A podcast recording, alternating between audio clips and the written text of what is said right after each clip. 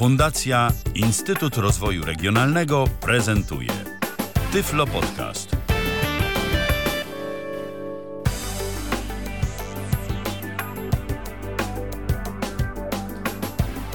Rozpoczynamy kolejne spotkanie z Tyflo Podcastem na żywo na antenie Tyflo Radia. Witam bardzo serdecznie. Przy mikrofonie Michał Dziwisz. Kto jest? To jest kolejna audycja, której nie prowadzę sam. Dziś w jabłkowych klimatach nasz program, bo mówić będziemy o tym, co nowego w iOSie 8 i w ogóle na temat nowych urządzeń firmy Apple sobie również troszeczkę porozmawiamy, a współprowadzącymi tę dzisiejszą audycję są Mikołaj Rotnicki i Piotr Witek. Witam Was serdecznie. Witam Państwa. Witam serdecznie wszystkich. Już myślałem, Mikołaju, że gdzieś nam uciekłeś, ale jesteś, całe szczęście, jesteście, mm, jesteśmy w komplecie i będziemy dziś rozmawiać na temat tego wszystkiego, co tam ostatnio nowego się w świecie Apple pojawiło. Niektórzy złośliwi mówią, że w rezerwacie co tam się nowego pojawiło, ale my porozmawiamy całkiem na poważnie a propos, a propos nowości i a propos tego, co się w ogóle mm, ostatnimi czasy dzieje. Jeżeli chodzi o mobilne urządzenia Apple przede wszystkim, bo, bo o tym będziemy rozmawiać, o urządzeniach y, bardziej stacjonarnych, czy nieco większych, takich jak chociażby komputery, to może sobie kiedy indziej pomówimy, a dziś przede wszystkim na tapetę bierzemy nowego iOS-a, ale zanim o nowym iOSie i zanim y, o jego wadach, zaletach y, i nowych funkcjach, to sobie może chwileczkę porozmawiamy. Myślę, Mikołaju, że ty przede wszystkim będziesz w stanie nam powiedzieć co nieco Chociaż może Piotr też się dołączy, bo, bo na pewno czytał niejednokrotnie, nie jedną informację o nowych urządzeniach Apple'a, które zostały ostatnio pokazane. Mam tu na myśli dwa nowe modele telefonów. I cóż one takiego w ogóle ciekawego wnoszą? No więc tak, 9 września na konferencji Keynote y, Apple zaprezentował y, dwa nowe iPhony. E, oznaczone numerkiem 6. Mm, natomiast do jednego z nich dopisano jeszcze słowo plus. No i tak, y, oba urządzenia w porównaniu z swoimi poprzednikami są po prostu większe, a iPhone 6 Plus jest jeszcze większy. A wielkości te y, no, są związane z, troszeczkę z tym, czego mm, z jednej strony trochę oczekiwał rynek, ponieważ telefony różnych marek, różnych producentów no mają coraz większe mm, ekrany. Z drugiej strony, tak na marginesie, zastanawiam się, gdzie jest ta górna granica używalności takiego, takiego telefonu. E, natomiast e, w porównaniu ze swoim poprzednikiem, czyli iPhone'em 5S, który miał e, ekran o przekątnej 4 cali, iPhone 6 ma ten ekran o wielkości 4,7 cala, natomiast iPhone 6 Plus to aż 5,5 cala. Więc można powiedzieć sporej wielkości yy, zmiany, jeżeli chodzi o wielkość w ogóle samych urządzeń, jak i ich ekranów. E, na pewno co osoby słabowidzące docenią również rozdzielczość tych ekranów się zwiększyła oprócz wielkości, czyli e, wszystko co jest wyświetlane będzie mm, no jeszcze bardziej wyraźne i większe. Tutaj, Natomiast... Mikołaju, jeśli pozwolisz, wtrącę, że już czytaliśmy też różnego rodzaju badania, które stwierdzają, że aktualnie właśnie iPhony, szczególnie ten iPhone 6 Plus, posiadają najlepsze ekrany na rynku, tak? Czyli nie tylko rozdzielczość, ale także odpowiednie nasycenie barw. Tutaj myślę, że osoby słabowidzące będą rzeczywiście bardzo mocno e, zadowolone, szczególnie jeśli weźmiemy też pod uwagę, skompilujemy to z tymi wszystkimi nowymi opcjami dostępności. Myślę, że to będzie wreszcie dawało e, odpowiednie wrażenie, odpowiedni efekt i dzięki temu będzie się osobom słabowidzącym lepiej mm, patrzyło na te ekrany, bo też bardzo fajna funkcja tych ekranów to znaczy, że mm, bardzo dobrze widziany jest obraz nawet w bardzo jasnym świetle. Nie wiem, czy te ekrany mm, też zostały pokryte taką antyrefleksyjną powłoką, jak mają być pokryte nowe iPady mini, i, czy w ogóle iPady nowej generacji bo do tej informacji nie dotarłem, ale e, właśnie samo patrzenie, e, kąt patrzenia na te ekrany jest największy z dostępnych na rynku. Także myślę, że warto sobie mm, obejrzeć te telefony chociażby w sklepie i zastanowić się, czy nie warto zamienić sobie na taką patelnię większą. Tak, prawda. E, to jest też potwierdzone już w kilku testach, e, które można zaobserwować gdzieś na właśnie internecie. Tak jak powiedziałeś, lepsza jakość. Na tą chwilę też e, wielu ekspertów się mm, wypowiadało również, że no, w wielu przypadkach te ekrany biją na głowę inne, inne, inne smartfony mm, podobnej, podobnej klasy. E, co jeszcze? No, wnętrzności tych telefonów się e, polepszyły. Nowe procesory, procesor A8 i towarzyszący mu koprocesor ruchu M8. E, zupełnie, że tak powiem, bardziej, jak to się mówi, mocne, z większą mocą. To wszystko chodzi szybciej i bardziej energooszczędnie, przynajmniej w, przynajmniej w założeniach. Natomiast co do tego mm, koprocesora ruchu, wyposażono go w jeszcze szereg dodatkowych y, kilku, czynnik, kilku czujników. Ulepszono trochę akcelerometr, ale wprowadzono również e, czujnik wysokości, czyli barometr, który y, podobno ma mierzyć y, nawet takie nieznaczne zmiany naszego położenia, jak powiedzmy wejście na schodach, wejście po schodach na jakieś kolejne piętro budynku. Ma nawet wykrywać mm, w, w tych takich aspektach wykrywania jako, jako takiego e, ruchu. E, co jeszcze? E, na pewno lepsza kamera. Tu być może z pewnej perspektywy no, osoby niewidome mogą powiedzieć, a po co lepsza kamera?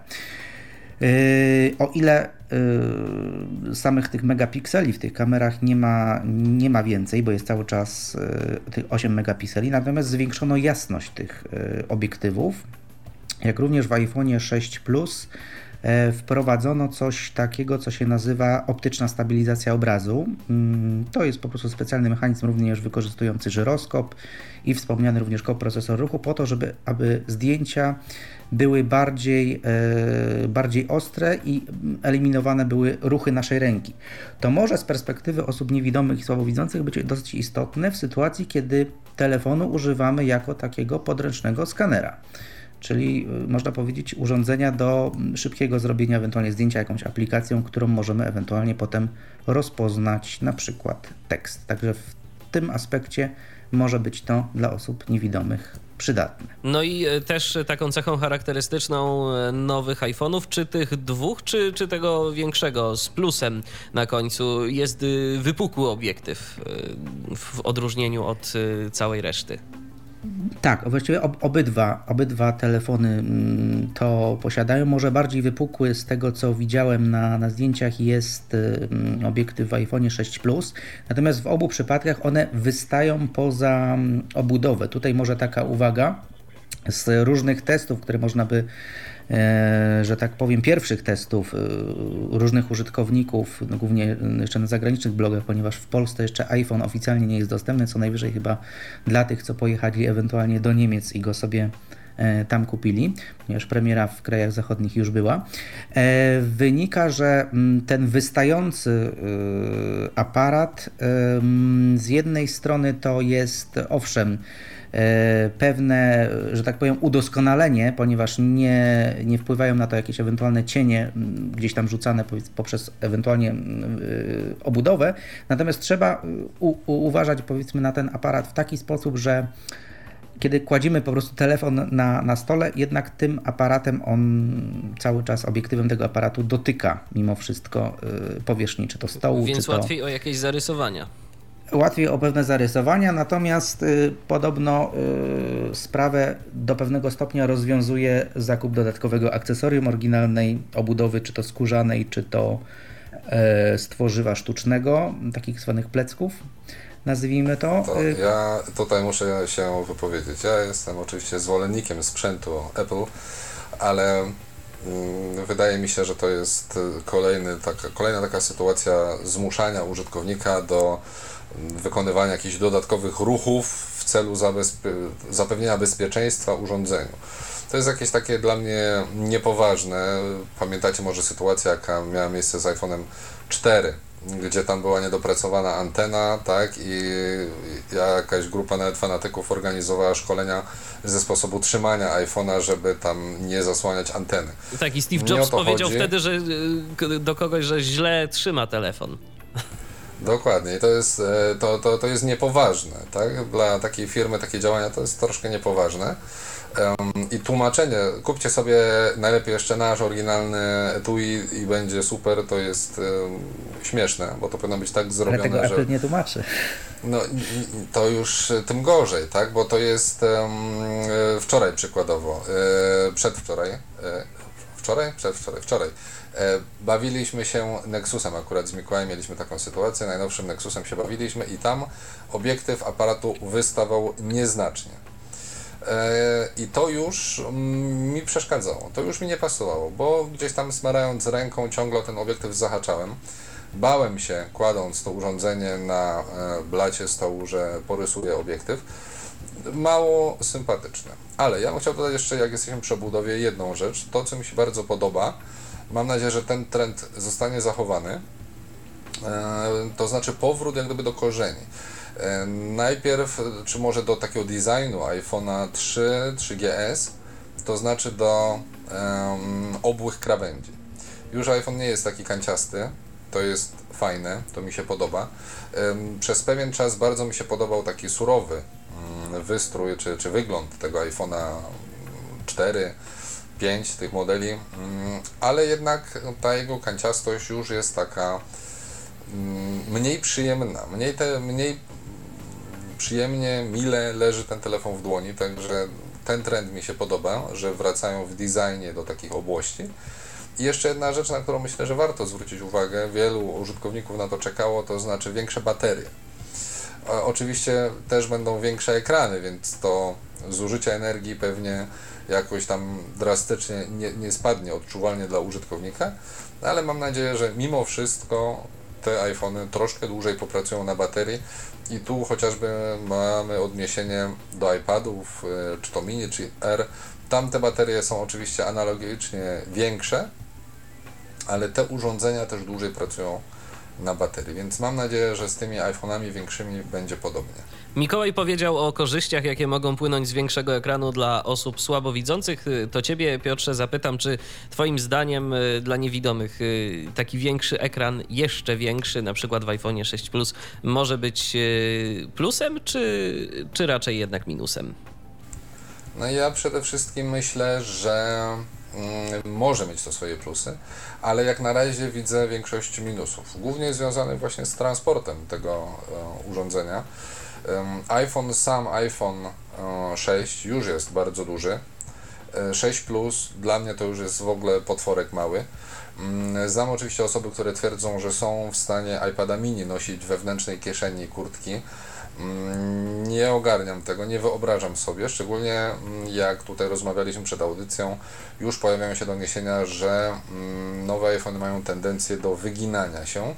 No i wyskakuje ekran z obudowy. Jest to błąd fabryczny, jest to kolejny taka porażka wizerunkowa w moim odczuciu.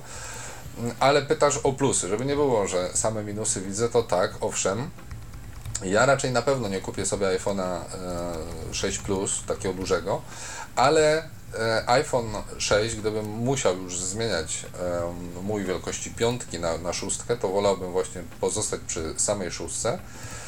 I widzę plus z, przy wykorzystaniu jednej funkcji, o której zapewne będziemy się jeszcze rozmawiać, to znaczy o nowej funkcji systemowej, czyli możliwości mm, pisania w alfabecie Braille'a. E, większy ekran pisze się na pewno o wiele lepiej.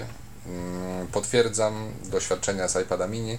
Pisze się o wiele wygodniej na większym ekranie niż na ekranie nawet e, iPhone'a 5S, gdzie osoba o troszkę większych dłoniach, takie jak moje, musi bardzo blisko trzymać palce i pisanie przez dłuższy czas jest mało wygodne. Myślę, że mm, na większym ekranie pisanie braillem mm, zdominuje sposób użytkowania użytkowników, oczywiście tych, którzy Braille'a znają i się nim posługują. To się wszystko zgadza. Ja jeszcze tak jedynie dodam, e, że trochę mnie zdziwiło, ale to już jest kolejna rzecz, która w świecie Apple'a e, może zaskakiwać, bo tam się jednak poglądy co jakiś czas zmieniają. E, kiedyś takim wyznacznikiem trendu to było to, że, że te telefony są wykonane w całości z aluminium, tak? A nowe iPhony, z tego co wyczytałem, to mają jakieś plastikowe elementy tej obudowy. Ponoć to jest wszystko ładnie spasowane, jest to nie jak jakoś tak specjalnie razi, ale jednak y, ten plastik y, w iPhone'ie zaczyna się pojawiać. Michale, ja o tym akurat yy, nie dotarły do mnie akurat takie informacje dotyczące tego plastiku, natomiast też warto wspomnieć o tym, że oryginalny iPhone, ten pierwszy, tak, i, i do którejś wersji podejrzę do trzeciej, chyba 3G, tak, 3GS, on też miał plastikowe plecki w oryginale. No to taka, to taka akurat y, moja refleksja a propos tego. Natomiast mówię, tak jak, mhm. tak jak żeśmy tutaj i Piotr na co wschodził te obłości, to jest też oczywiście, mówię, z jednej strony właśnie powrót do tych pierwszych iPhone'ów, z drugiej strony nawiązanie do obecnych y, iPadów R, w tym przypadku iPada R czy iPadów y, mini, tak? gdzie Zgadza się. Gdzie, czy do iPodów tak jest, jest, jest, kiedyś. Czy nawet do iPodów, tak, tak, tak, to się zgadza. Tak, bo kiedy ja wziąłem w swoje ręce iPada, to szczerze mówiąc moje pierwsze skojarzenie było takie, o taki większy iPod, to tak y, jeszcze nawiasem. Y, ja dodam tylko tyle, że nasze łącza y, są już aktywne i pewnie za momencik będziemy odbierać od Was telefony, tylko najpierw przejdźmy do naszego tematu głównego, ale już na miary podam, gdyby ktoś chciał sobie zanotować albo nas dodać na przykład do Skype'a. 123 834 835 to telefon tyflopodcast.net, pisane tyflopodcast.net. To jest nasz radiowy Skype. Tu możecie zarówno mm, dzwonić, jak i pisać. A teraz proponuję, żebyśmy przeszli do nowego systemu mm, mobilnych urządzeń firmy Apple, czyli coś, na co z pewnością wszyscy czekają, bo iPhone'ów no jeszcze tak y, w Polsce nie ma i trzeba będzie na nie poczekać, ale... Ale mieliśmy o iWatchu jeszcze powiedzieć. O, o, o właśnie, o właśnie, iWatch, o, o iWatchu. Jeszcze zapomniałbym zupełnie o tym urządzeniu, to Mikołaju jeszcze króciutko powiedz o tym może. Bo to w sumie zupełnie nowy produkt. Tak, zupełnie nowy, wejście, zupełnie nowy. Wejście iPhone'a do nowej działki produktów, tak? Już bardzo długo od wielu, nawet by powiedzieć, można powiedzieć lat się były pogłoski o niejakim iWatchu, natomiast ostatecznie nazwano to Apple Watch. Yy, na razie tylko wiemy po prostu, jak ogólnie wygląda, jak mniej więcej będzie działał i wiemy, że będzie dostępny od początku 2015 roku. Natomiast ogólnie zegarek, ale to jest coś więcej niż zegarek, tak? bo z drugiej strony jest to yy, swego, swego rodzaju, można powiedzieć, też monitor naszych funkcji życiowych od od naszego tętna, poprzez yy, być może ruch naszej ręki, ruch w ogóle naszego całego ciała, także wykorzystywany jest, ma być wykorzystywany nie tylko do sprawdzania po prostu zwykłe, zwykłego godziny, tak, ale również do mm, wszelkiego rodzaju monitorowania naszych y, funkcji życiowych jako takich, y, przynajmniej w takim bardzo podstawowym y, zakresie. Współpraca do jego, że tak powiem, dobrego używania właściwie będzie potrzebny i tak iPhone, ponieważ z nim się będzie mm, to urządzenie komunikować. E, też będą aplikacje na niego e, przygotowywane i przez firmy zewnętrzne. Sam Apple też e, oprogramował to odpowiednio. Co do dostępności, jeżeli mówimy o ewentualnych funkcjach dostępności w tym urządzeniu, to na razie są to tylko pogłoski o tym, że najprawdopodobniej voice-over tam się znajdzie, mimo niedużych rozmiarów y, tego, tego urządzenia. Y, co ciekawe. Ale trzeba dodać, że najprawdopodobniej funkcje tego voice-overa myślę, że będą, y, nie wiem czy się zgodzisz ze mną Mikołaju, myślę, że zbliżone w sensie swoich ograniczeń funkcjonalnie do voice-overa takiego, jakiego mamy w Apple TV. Czyli, że niby voiceover będzie, ale tak jak wspomniałem, myślę, że jego funkcjonalność będzie mocno ograniczona i tylko w niewielkim stopniu będzie przypominał voiceovera um, takiego, jakiego znamy z um, dotychczasowych urządzeń. Tak, zgadza się, ponieważ y, iWatcha będzie można obsługiwać owszem, z jednej strony dotykiem, y, poprzez dotykanie jego nazwijmy ekranu czy szkiełka, natomiast nie będziemy na niej mm, mieli możliwości wykonywania gestów żadnych multitouch, co najwyżej pojedyncze jakieś tam maźnięcze jednym akurat palcem. Natomiast Ale y, co czekaj, ważne... Czekaj, czekaj. Już Apple zapowiedziało i demonstrowali zresztą, że będzie sposób um, dostępny na nim pisania analogiczny do tego, jaki w tym momencie wykorzystujemy z VoiceOverem, czyli pisania ręcznego.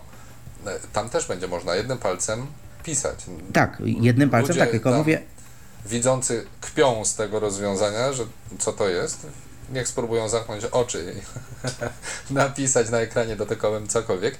Mm, więc ten ekran, o czym jeszcze powiesz pewnie, tak, ma inny jeszcze sposób obsługi, e, będzie rozróżniał dotyk i tapnięcie, więc myślę, że mm, jakiś nowy sposób nawigacji mm, zostanie nam także zaprezentowany. E, tak, to, to na pewno. Natomiast e, pod, jednym z podstawowych, oprócz dotyku samego szkiełka, sposobów nawigacji jest wykorzystanie, tak jak Apple nawet to podczas prezentacji powiedział, wykorzystają coś, co w zegarkach naręcznych jest praktycznie od zarania ich y, dziejów, że tak powiem, czyli pokrętło, takie, które wcześniej y, w klasycznych zegarkach służyło, służyło do nakręcania czy nastawiania godziny, to tutaj tak zwana cyfrowa korona, jak ją to po prostu nazwali, Digital Crown, będzie umożliwiać nam e, po prostu nawigację po kolejnych pozycjach, że tak powiem, menu i ewentualne jej klikanie czy, czy wciskanie powodować będzie wybór. E, to jest jakby jeden z Coś jak na iPadzie, iPodzie Classic. Można powiedzieć, że coś podobnego jak na, na iPodzie, jak na iPodzie Classic w przypadku e, tego kółka nawigacyjnego. Natomiast tutaj tamto kółko nawigacyjne na iPodach to jest kółko dotykowe, natomiast tutaj jest to fizycznie fizyczna, fizyczne pokrętełko umieszczone e, z jednej ze stron. I tutaj moja zagwostka, że tak powiem, ponieważ e, z tego, co mm, udało mi się zaobserwować, no to pokrętełko jest umieszczone z prawej strony, czyli przeznaczone dla osób praworęcznych. Natomiast zastanowiło mnie kwestia obsługi tych, tego pokrętła przez osoby leworęczne. I zastanawiałem się Ale z tego, nad tym, czy nie będziemy wykluczeni. Też jest wersja, ma być dla osób leworęcznych, praworęcznych, e, niezależnie od tego damska i męska, tak? E, różniąca się grubością koperty. Tak, grubością i nawet chyba nieco wielkością samego ekranu, z tego co, z tego, co udało mi się y, podpatrzeć. Do samego y, iWatcha, no tak jak można by powiedzieć klasycznie w zegarkach y, wyższej klasy, będzie można go nabywać i, i montować różnego rodzaju paski, od bransolet metalowych poprzez paski skórzane, a kończąc na takich bardziej paskach plastikowych czy stworzywa sztucznego przeznaczonych Paski, dla sportowców. paskami, ale przede wszystkim e, Apple Watch będzie w trzech wersjach kopert mm, sprzedawany. Pierwsza wersja, że tak powiem podstawowa, będzie to koperta stalowa.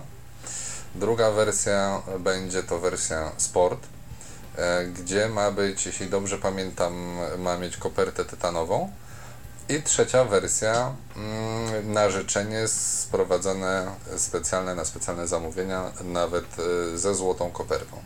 No i oczywiście do tych zegarków, tak jak Mikołaj wspomniał, różnego rodzaju paski. Mm, myślę, że największy wybór pewnie będzie do tych sportowych, łącznie z różnego rodzaju opaskami pewnie.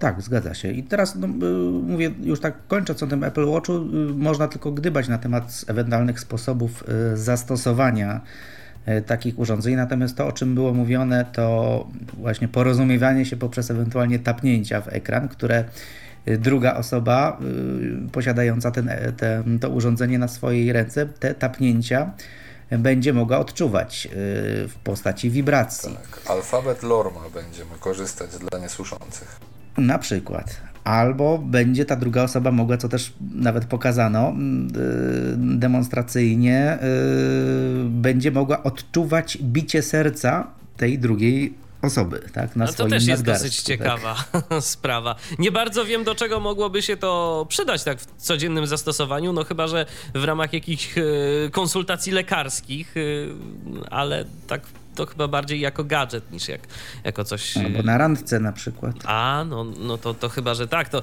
no, my... Dziś czytałem też o gadżecie, który łączy się z iPhone'em. Generalnie jego głównym zadaniem jest wibrowanie, więc myślę, że taki podwójny zestaw mógłby też dostarczyć mnóstwo informacji. Tak, natomiast wspomniano również o takiej potencjalnej ewentualnie funkcjonalności, kiedy zegarek mógłby nas informować wibracjami o pewnych wskazówkach nawigacyjnych, czyli na przykład trzy, trzy wibracje skręć w prawo, dwie wibracje skręć w lewo, czyli dodatkowa informacja taka no niewerbalna. E, w sytuacjach, kiedy korzystamy z jakichś aplikacji nawigacyjnych to się wszystko, to się wszystko zgadza. No dobrze, to yy, porozmawialiśmy a propos yy, Apple Watcha. Yy, to może teraz y, już przejdźmy do tego, na co myślę, że większość z naszych słuchaczy czeka, a szczególnie tych, którzy się jeszcze nie odważyli mm, aktualizować y, iOS-a do najnowszej wersji, bo y, wiem, że część osób czeka, czeka i tak nawet spotkałem się z takimi opiniami, mówiąc szczerze, że a nie będę aktualizował, poczekam do waszej audycji, aż coś powiecie, czy warto, czy nie warto, więc tu taką odpowiedzialność na sobie trochę nawet mamy poniekąd. Ale dobrze, mm, przejdźmy może na dobry początek do takich y, nowych, y, najistotniejszych i najciekawszych funkcji, które się w nowej edycji systemu Apple'a pojawiły. Nie wiem jak dla Was, ale dla mnie największą zaletą i najciekawszą funkcją, jaka jest w ogóle w nowym iOSie, to jest dyktowanie głosowe głosowe. Po polsku. Ja tak, po polsku, oczywiście. Zgodzić. Rzeczywiście jest to coś, co wcześniej było w jakimś tam ograniczonym zakresie, już poza tym, że w językach Siri było to dostępne, tak, już od paru lat, ale jak, za pomocą jakichś tam protez, aplikacji typu Dragon Dictation mogliśmy korzystać z takiego dyktowania, ale teraz nie tylko mamy do dyspozycji przycisk e, dyktuj na każdej klawiaturze w dowolnym miejscu, w dowolnej aplikacji. Mamy też do tego osobny gest, stuknięcie dwoma palcami, które uruchamia dyktowanie i zatrzymuje dyktowanie. No i wreszcie możemy bardzo, naprawdę bardzo szybko wymieniać informacje. Tu już nie mówię o, o jakichś tam SMS-ach czy pisaniu maili, ale w tym momencie mm, tak naprawdę pierwszy raz y, zaczynam dynamicznie korzystać z różnego rodzaju czatów, czy to na Facebooku, czy gdziekolwiek indziej. No, po prostu przychodzi mi to z łatwością i jest to błyskawiczne. Wystarczy tapnąć dwukrotnie, powiedzieć coś, tapnąć i gotowe. To się wszystko zgadza i to jest naprawdę bardzo wygodne, szczególnie to dwukrotne y, tapnięcie w ekran dwoma palcami. Wtedy pojawia się dźwięk y, taki króciutki. Wystarczy, że podyktujemy notatkę i dwa razy stukamy ponownie, no i ten tekst po chwili się pojawia. Y, co ciekawe, i to też warto na to zwrócić uwagę, y, to się, mm, to jest kontynuacją tego, co w Dragonie mieliśmy, bo chyba nawet to ten sam silnik jest y, wykorzystywany zarówno przez Siri, jak i przez aplikację Dragon Dictation. E, co mi się bardzo podoba. Y, są rozpoznawalne znaki interpunkcyjne. Więc jeżeli naprawdę zależy nam na tym, żeby ten tekst jakoś wyglądał, nie tylko żeby go szybko wprowadzić, ale jeżeli chcemy napisać jakieś zdanie, przecinek, w którym będziemy używać znaków interpunkcyjnych, przecinek, to możemy to zrobić właśnie w ten sposób, kropka.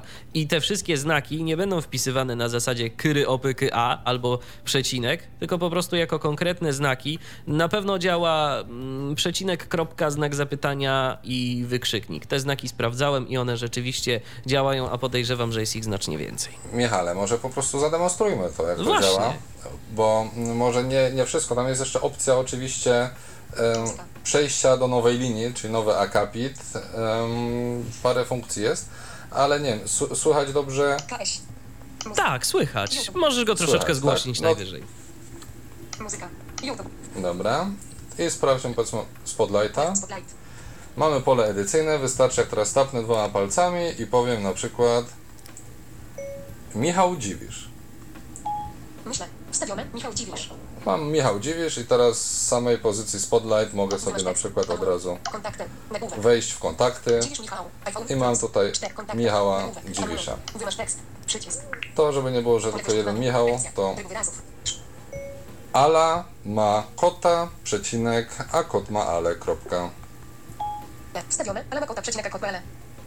W tym momencie zrobiłem pauzę, więc przecinek został przeczytany, został wstawiony jako słowo, ale jeśli powiem to odpowiednio szybko, Ala ma kota, przecinek, a kot ma alę, kropka. Wstawione. Ale ma kota przecinek kod PL. Wymasz Sprawdźmy. tekst. Pole wyszukiwania. Edycja. Tryb wyrazów. Ale ma kota przecinek kod PL. No, teraz mi czyta przecinek. Nie wiem dlaczego, nie powinien. A może w tym polu wyszukiwania on po prostu tak się zachowuje? Wyrazów. Może, może, ale normalnie oczywiście tego nie czytam. Ale to jest jeden z przykładów zastosowania e, o wiele szybszego skorzystania z urządzeń z iOS-em, bo właśnie na przykład wystarczy wpisać sobie, czy skorzystać z opcji Spotlight, podyktować, mm, e, czego byśmy chcieli na przykład wyszukać w internecie i następnie przejść tylko gestami do internet. W tym momencie uruchamia nam się e, wyszukiwarka Safari i możemy sobie mm, szukać różnych rzeczy od razu, na przykład z poziomu e, Google. Natomiast y, warto wspomnieć o tym, że y, nie jest to wszystko rozwiązane tak bardzo idealnie, czego ja szczerze mówiąc żałuję, bo niestety decydując się na aktywację mm, wpisywania głosowego, musimy zrezygnować z innej bardzo fajnej funkcji, której ja osobiście używałem bardzo często, bo, bo jest po prostu wygodna. Mianowicie mowa tu o mm, wybieraniu, o, o tak, o sterowaniu głosowym, o wybieraniu głosowym y, kontaktów, o y, wybieraniu głosowym także numerów. Y, po prostu aktywując Siri pozbawiamy się tej funkcji. Więc y, no niestety tu jest albo albo. Oczywiście możemy dyktować y, Siri różnego rodzaju polecenia po angielsku wtedy, mm, tylko mm, no działać to będzie różnie i będzie to brzmieć śmiesznie, jak na przykład powiemy Siri na przykład call Peter Witek. Możesz próbować. Ja jeszcze e, Wiesz, że działa? Uwagę. Akurat nie wiem, czy na Eee, twoim tak, tak, przykładzie by tak. zadziałało, ale, ale zadziała. Tak, tak, ale w dużej to liczbie oczy, oczywiście masz rację. Działa, tylko mm, wystarczy, jeśli byśmy się uparli, tak, sprawdzić, jak Siri po angielsku e, odczytuje poszczególne nazwy kontaktów i wtedy jesteśmy w stanie też tak wybrać. No ale oczywiście bez sensu. Teraz w momencie, gdy mamy więcej kontaktów, e, wyszukiwanie ich też oczywiście z funkcją mm, dyktowania też jest łatwiejsze, bo wystarczy tapnąć w pole edycyjne, czy chociażby tutaj, jak zademonstrowałem w Spotlight, nawet nie musimy wchodzić w kontakty, tylko przeciągnąć trzema palcami w dół, e, wymówić nazwę kontaktu, parę gestów w lewo, prawo, e, aż dojdziemy do numeru telefonu, tapnąć i połączenie jest nawiązywane. Ale ja chciałbym zwrócić uwagę e, Waszą i słuchaczy na jeszcze jedną rzecz, o której no nie widziałem, żeby ktoś wspominał, a myślę, że warto wspomnieć, że aby korzystać z dyktowania, musimy mieć dostęp do internetu.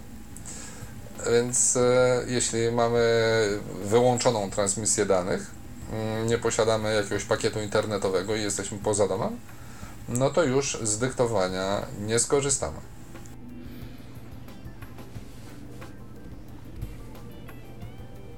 No cóż, y, to się wszystko oczywiście zgadza, także no niestety jeszcze to dyktowanie lokalne y, nie działa i szczerze mówiąc nie wiem, czy, czy kiedyś będzie działać w jakimś takim rozsądnym czasie. Google chyba jakieś takie mm, zapędy ma ku temu, ale Google to nie Apple oczywiście, więc... No generalnie próbują, ale myślę, że o wiele mocniejsza moc przerobowa zawsze będzie gdzieś tam Tak, na jest zewnątrz konieczna. niż, niż w urządzeniu. I myślę, że, że no mimo wszystko działa to fajnie, aczkolwiek już ktoś mi zwrócił uwagę, że w momencie, gdy ja dyktuję jakieś wiadomości, to jakoś zdumiewająco często e zamieniane jest na on i już doszedłem do wniosku, że muszę mieć taką wadę wymowy i mm, tak to będzie już zawsze. I jeszcze jedna rzecz, o której wspominałem mm, realizując podcast o, o aplikacji Dragon Dictation, tutaj jest dokładnie tak samo. Im e, swobodniej mówimy do naszego urządzenia, im mniejsze pauzy robimy, im mniej sztuczny jest ten nasz język, ta nasza wypowiedź, tym lepsza jest jakość e, rozpoznanego tekstu. No oczywiście myślę, że tutaj też jak ze wszystkim mm, każdy sobie poćwiczy i dojdzie do wprawy. Tak, natomiast jeżeli ktoś miałby jakąś dużą wadę wymowy, to niestety będzie problem. No ale to myślę, że można się tego było spodziewać. Ale na przykład na R y, to spokojnie jest brana poprawka i podobne rzeczy, bo tak się trochę bawiłem z różnymi takimi dziwnymi wadami wymowy mm, i symulacjami, także y, całkiem nawet sobie dobrze to działa. Mamy wypowiedź od Tomasza w ogóle a propos nowego iOS-a. Tomasz napisał krótko, zaktualizowałem i żałuję. No to do tego to przejdziemy sobie może nieco później. Dlaczego można by było żałować? Na razie skupmy się na plusach i na jakichś ciekawych e, rozwiązaniach. Kolejna rzecz z naszej perspektywy myślę, że bardzo, bardzo istotna, e, szczególnie z perspektywy użytkowników niewidomych, to jest możliwość wprowadzania tekstu za pomocą Braille'a. No to ja tu koniecznie muszę się wypowiedzieć, bo no to wypowiedz się, dla mnie to jest jedna bardzo. z najlepszych naprawdę e, funkcji. Nawet nie wiem, czy nie lepsza od e, dyktowania. Dlaczego? Ponieważ nie zawsze możemy dyktować, a ten braille to jest coś, co nie tylko umożliwia nam szybkie pisanie, naprawdę szybkie. Ja od już kilkunastu lat praktycznie nie korzystałem z Braille'a takiego pisanego na maszynie brajlowskiej, bo tu taki sposób e, i analogiczny jest do, do, do tego, mm, e, jak pisanie na maszynie. E, I mimo to piszę o wiele, wiele szybciej, um, korzystając z tego sposobu, niż e, właśnie nawet pisząc dwoma dłońmi, nawet na klawiaturze iPada. Tak więc dla mnie to jest genialne wręcz e, rozwiązanie. Oprócz tego, że możemy sobie pisać, e, jak wspomniałem, wygodniej jest mimo wszystko na większym ekranie, e, to należy powiedzieć też troszkę o funkcjonalności samego tego rozwiązania, bo tych funkcjonalności jest kilka. Czy może inaczej, sama funkcjonalność jest super, a funkcji jest kilka. Tak więc y, przede wszystkim możemy sobie pisać na naszym urządzeniu właśnie w taki sposób, jak typowy, klasyczny na, mas na maszynie brailleowskiej. Jest to tak zwany układ pulpitu i mamy też inny, odwrócony układ. Jeśli mm, korzystacie z iPhone'a, mm, obracamy urządzenie jak gdyby tylnią ścianką w naszą stronę, trzymamy urządzenie między dwoma dłońmi i od dołu w tym momencie dotykamy sześcioma palcami ekranu urządzenia. E, I przyznam się, że ostatnio e, właśnie jeżdżąc e, pociągiem, mając ludzi w, w przedziale, nie chcąc, żeby gdzieś tam mi słuchali, co dyktuje, a z drugiej strony narażony ciągle na jakieś tam wstrząsy mm, tego pociągu, zacząłem pisać braillem właśnie w tym układzie, bo też wygodniej mi było trzymać w ten sposób iPhone'a, a nie gdzieś tam go opierać o, o, o kolano. I okazało się, że tam pierwszy wpis na Facebooku, drugi wpis na Facebooku i zacząłem dochodzić do dużej wprawy. Mm, przeszkadzają trochę dwie rzeczy. Jak się pisze na słuchawkach, to niestety yy, sama wtyczka słuchawek przeszkadza w takim sposobie wpisywania i o czym też już swego czasu rozmawiałem z Michałem, no niestety zasłaniamy sobie w ten sposób głośnik urządzenia i mm, też nie zawsze mamy pewność, czy, czy dobrze piszemy, czy źle. Sposób y, umożliwia nam y, pisania w taki sposób, że słyszymy każdy znak. Możemy sobie zmienić sposób odczytu, czyli jesteśmy informowani po napisaniu, napisaniu całego wyrazu. Mm, gdy dajemy spację, to VoiceOver odczytuje nam, co napisaliśmy. Możemy korzystać także z sześciopunktowego Braille'a, jak i z ośmiopunktowego. Jeśli są miłośnicy takiego systemu, to i owszem. A jak Piotrze Myślę, wprowadza się ośmiopunktowego Braille'a? Bo szczerze mówiąc, y, ja tego nie znalazłem. Znalazłem tylko możliwość wprowadzenia sześciopunktowego i pisania za pomocą kontrakcji, za pomocą skrótów. Tak, ale ty e, korzystasz z iPhone'a, a tą funkcję zaobserwowałem na iPadzie. A, okej. Okay. Wywołuje się ją w taki sam sposób, jak przełącza się właśnie między sześcioma punktami, a kontrakcją po prostu bierzesz i e, gest trzema palcami mm, w lewo lub w prawo, y, bo spację wywołuje się gestem przeciągnięcia palcem w prawo, nową linię dwa palce w prawo, kasujemy e, jeden palec w lewo. Działa to naprawdę fajnie. To myślę, że tu Mm. też, y, nie wiem czy będziesz to Piotrze demonstrował, ale na pewno myślę, że też warto powiedzieć w ogóle jak się, za, jak się zabrać za to wpisywanie, bo to dla mnie nie było szczerze mówiąc wcale takie No intuicyjne. okej, to zacznijmy od tego, że może spróbuję też coś zademonstrować. Nie wiem, czy mi się uda, bo w tym momencie mam akurat iPada w ręku, więc mam nadzieję, że jakoś nie zachroboczę tu nic, nie przełączę nic. Wejście ekranu Braille'a. Orientacja pozioma. Y, Przełączam sobie na pokrętle, wywołuję tą funkcję. Może nie będziemy opowiadać, jak się ją włącza. Wyrazy. Może to jeszcze tak, spotlight włączymy, jakieś pole edycyjne. Y, Znaki. Wyrazy. Wejście ekranu Braille'a. Dobra. Orientacja pozioma. No No i- 6 punktów. Piszemy sobie najpierw duży znak, Kropki 4, 6. Duża. La. Ala. M. A. Na. K. O. T. A. Przecinek. Odstęp. A. A. K. O. T. Kot. M. A. Na. Kropki. Duża. L. N. Kropka. Odstęp. Nagłówki. Wymasz tekst. Pole wyszukiwania. Edycja. Ale na kota. A kot mele. czy mnie słychać? Słychać? Tak, tak, słychać cię Piotrze, No słychać. y, słyszycie, bo tak mi przycichliście. Nie wiem, czy z wrażenia, jak szybko piszę braillem. E, w każdym razie, widzicie, można pisać szybko, nic nie trzeba szukać. Ja oczywiście w tym momencie znam swoje możliwości, wiem jak wcześniej pisałem i to, że piszę na tyle wolno, to nie wynika z tego, że nie można szybciej, tylko dlatego, że ja ciągle muszę sobie przypominać, jak znaki wstawiać. A pisze się naprawdę bardzo szybko, bardzo dynamicznie. Mm, ekran reaguje na dotyk.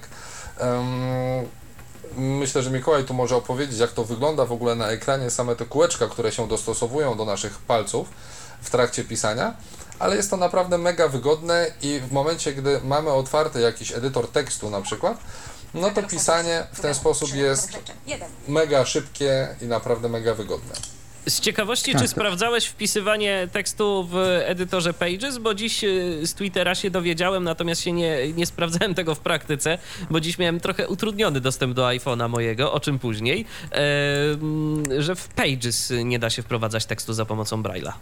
Taką informację znalazłem dziś. Jeszcze nie sprawdzałem w Pages, nie miałem okazji po prostu, ale sprawdzałem w notatniku i, i w jakimś tam innym jeszcze edytorze. No i w ogóle w różnych miejscach, tak? Ale akurat w Pages nie, jako tako w edytorze. No ale myślę, że nie ma problemu, żebym potem sprawdził, czy nawet w trakcie audycji zerknął, czy, czy, czy pisze, czy nie. To a propos tej wizualności, może to y, na ekranie wygląda to po prostu tak, że wyświetlane są y, w momencie, kiedy przełączymy się na tą e, funkcję wpisywania braillem, po prostu ekran jest leciusieńko przyciemniany, że tak powiem, dostaje taką nową warstwę i wyświetlane są mm, te trzy punkty, po trzy punkty po lewej i odpowiednio prawej stronie, ponumerowane odpowiednio. I co ciekawe, to też warto o tym e, powiedzieć, y, że nie musimy się y, zbytnio przejmować tym, w którym miejscu dokładnie ekranu stawiamy te palce, ponieważ e, w trakcie pisania to jest jedna rzecz. y, Sam, y, że tak powiem, y, system kalibruje nam te miejsca, w których dotykamy, czyli Tak, cały czas ale te tutaj punkty trzeba powiedzieć to, wędrują. o czym e, Michał wspomniał na początku. Czyli e, ta kalibracja, że on się jak gdyby dokalibrowuje, to ok. Tylko tak naprawdę, żeby dobrze e, rozpocząć pisanie, na początku warto jest sobie skalibrować na starcie tą funkcję. E, Kalibracja jest bardzo prosta, po prostu przykłada się trzy palce prawej dłoni do ekranu mm, i czekamy aż voiceover nam powie punkty 4, 5, 6. Następnie przykładamy lewą rękę, nie odrywając prawej i e, wtedy voiceover nam mówi mm, punkty 1, 2, 3.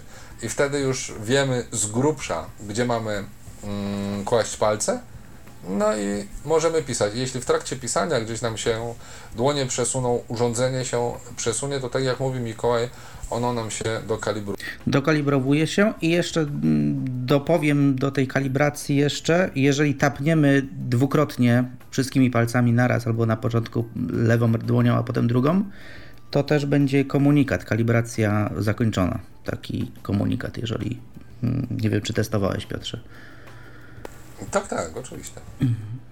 Mamy wypowiedź od Andrzeja. Swoją drogą, słuchajcie, wiadomość z ostatniej chwili, mm, to się podzielę z naszymi słuchaczami i przy okazji z wami również jest dostępny nowy iOS 8.01.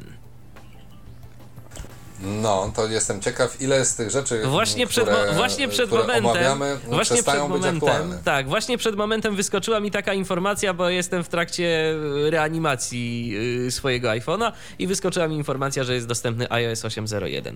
Także y, za chwilę nawet pewnie gdzieś tam poza anteną pokuszę się o jego aktualizację, ale póki co przeczytajmy informację od Andrzeja. Andrzej napisał do nas tak.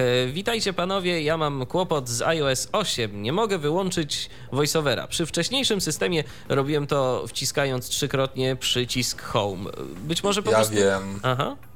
No, to słuchamy. Jeśli, nie jak w jednym widzisz dziesięciu, wiesz, szybko naciskam mikrofon i się odzywam.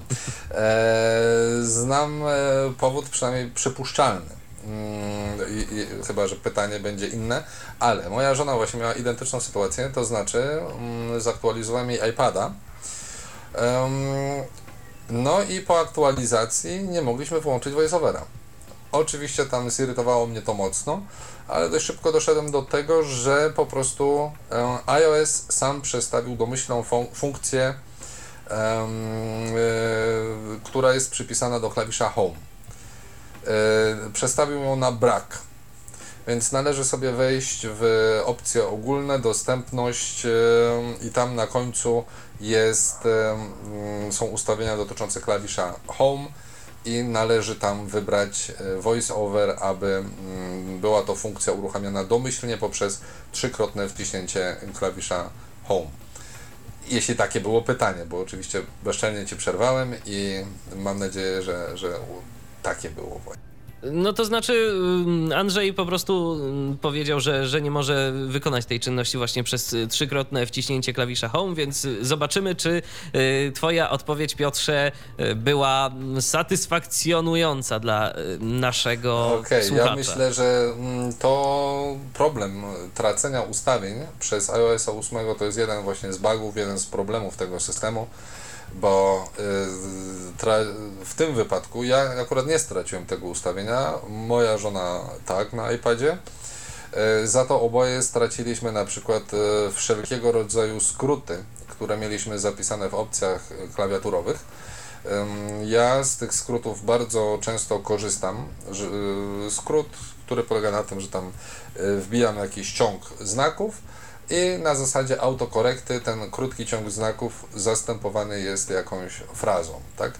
Przykładowo, zamiast, jak szybko piszę maila, zamiast e, pisać witam, piszę WTM i w tym momencie e, mam wstawiony e, cały wyraz witam, przecinek, nowa linia. I to niestety wszystkie tego typu skróty zniknęły i musiałem je ustawiać na nowo.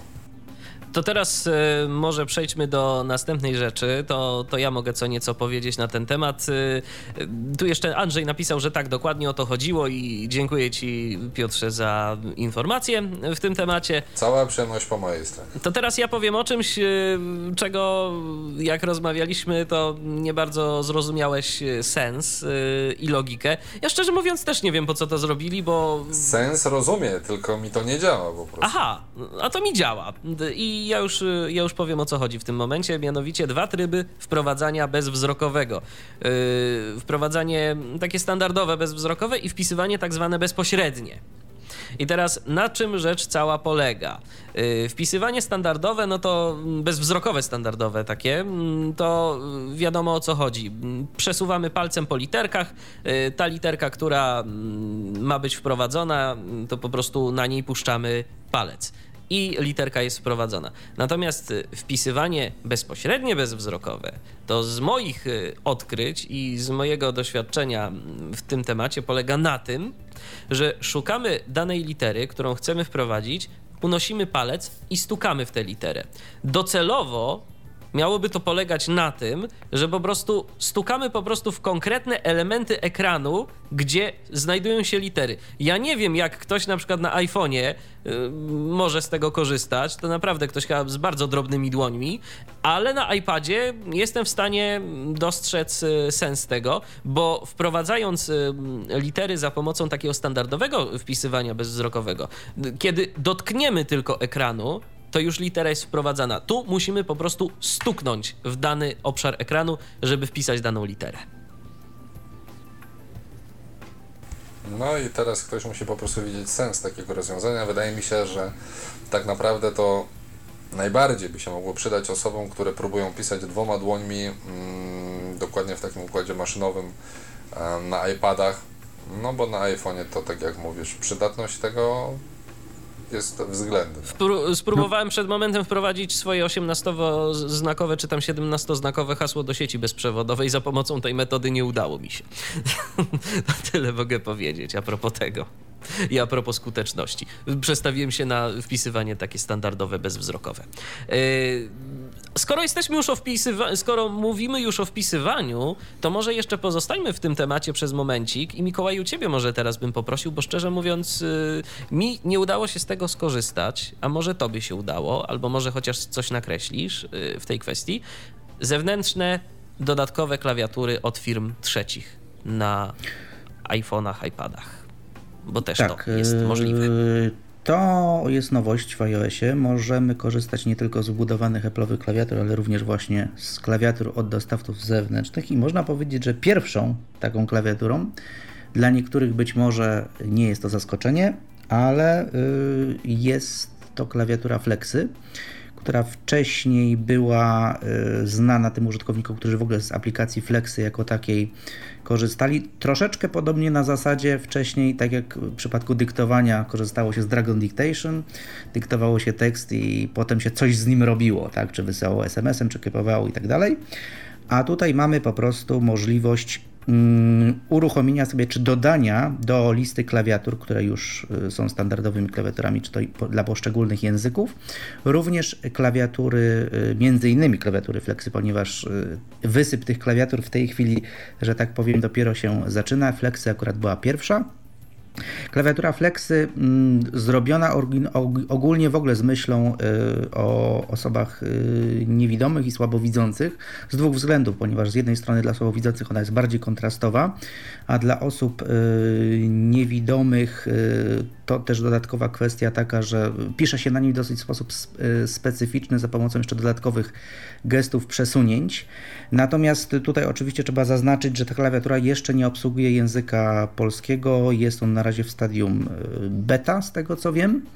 Natomiast tą klawiaturę udało mi się podpiąć i takie moje doświadczenie jeszcze pierwsze, w ogóle z podpinaniem jako takim klawiatur, Wchodzimy po prostu w ustawienia e, systemowe i w sekcję klawiatury i tam możemy po prostu sobie, tak jakbyśmy dodawali kolejną klawiaturę językową, mamy do wyboru w tym przypadku akurat klawiaturę Flexy, jeżeli oczywiście mamy zainstalowaną aplikację Flexy wcześniej, e, bo to e, funkcjonalność, że tak powiem, możliwość dodawania danej klawiatury zależy od tego, czy daną aplikację, akurat związaną z, w tym przypadku z klawiaturą, mamy oczywiście zainstalowano.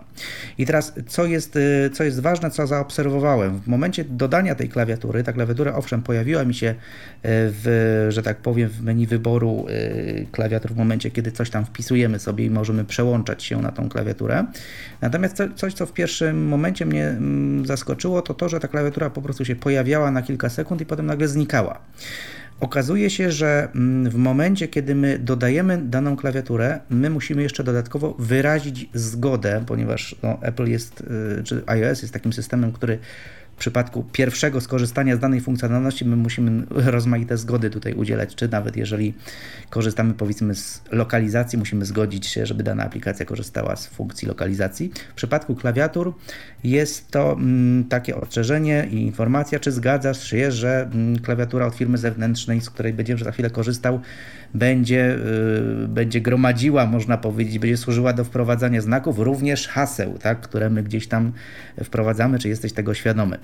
E, I trzeba po prostu w ustawieniach e, dodawania danej klawiatury, jak już sobie ją dodamy i tapniemy sobie w ustawienia danej mm, klawiatury, jeszcze w opcjach systemowych, musimy przełączyć taki przełączniczek pełny dostęp. W tym momencie klawiatura uzyskuje po prostu pełny dostęp do, do systemu i można w pełni z niej korzystać dopiero po przełączeniu na tą opcję i wyrażeniu zgody ja mogłem zacząć korzystać z tej klawiatury. No to trochę taka filozofia jak w, Google Play, że tam też musisz się wy, wyrazić zgodę na tam możliwość właśnie tam jakichś tam danych, karty kredytowej i tak dalej, i tak dalej, dostęp na tych, dla, dla tych danych, czy do tych danych, no to tutaj troszkę podobnie. No chyba niestety taka polityka prywatności w momencie, gdy udziela się zezwolenia zewnętrznym podmiotom będzie niezbędna.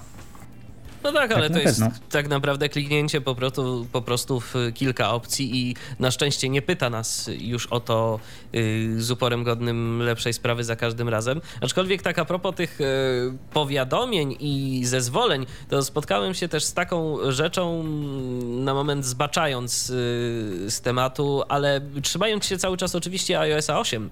Yy, nie wiem, czy też to mieliście, że co chwilę w pewnym momencie, co chwilę, y, pytał mnie y, na nowo mm, iOS o to, czy chcę wyrazić zgodę na korzystanie z mojej lokalizacji iluś tam aplikacją. Ja nie co chwilę, ale po prostu po kolei, jak uruchamiałem poszczególne aplikacje po aktualizacji, na przykład aplikacja Pogoda, aplikacja Facebook, um, różne tego typu aplikacje, musiałem po prostu wyrażać im zgodę. A ja właśnie bez na, uruchamiania, na bez uruchamiania. I jeszcze rozumie aplikacje zewnętrzne, tak? Ale nie rozumie aplikacji e, natywnych. E, że to, to, to, wyskakują takie Tak, ale to jest związane z tym, że zmienił się również regulamin. Y, pewnie w jakichś drobnych szczegółach, ale czytałem o tym, że zmienił się również regulamin w ogóle korzystania, używania systemu iOS i przypuszczam, że to jest znowu jakby konsekwencja po prostu tego, tego prawnego zdarzenia. Okej, okay, więc może przejdźmy do kolejnej rzeczy, także pozostając w sferze komunikacji, ale tym razem komunikacji głosowej może, za, zahaczmy o to.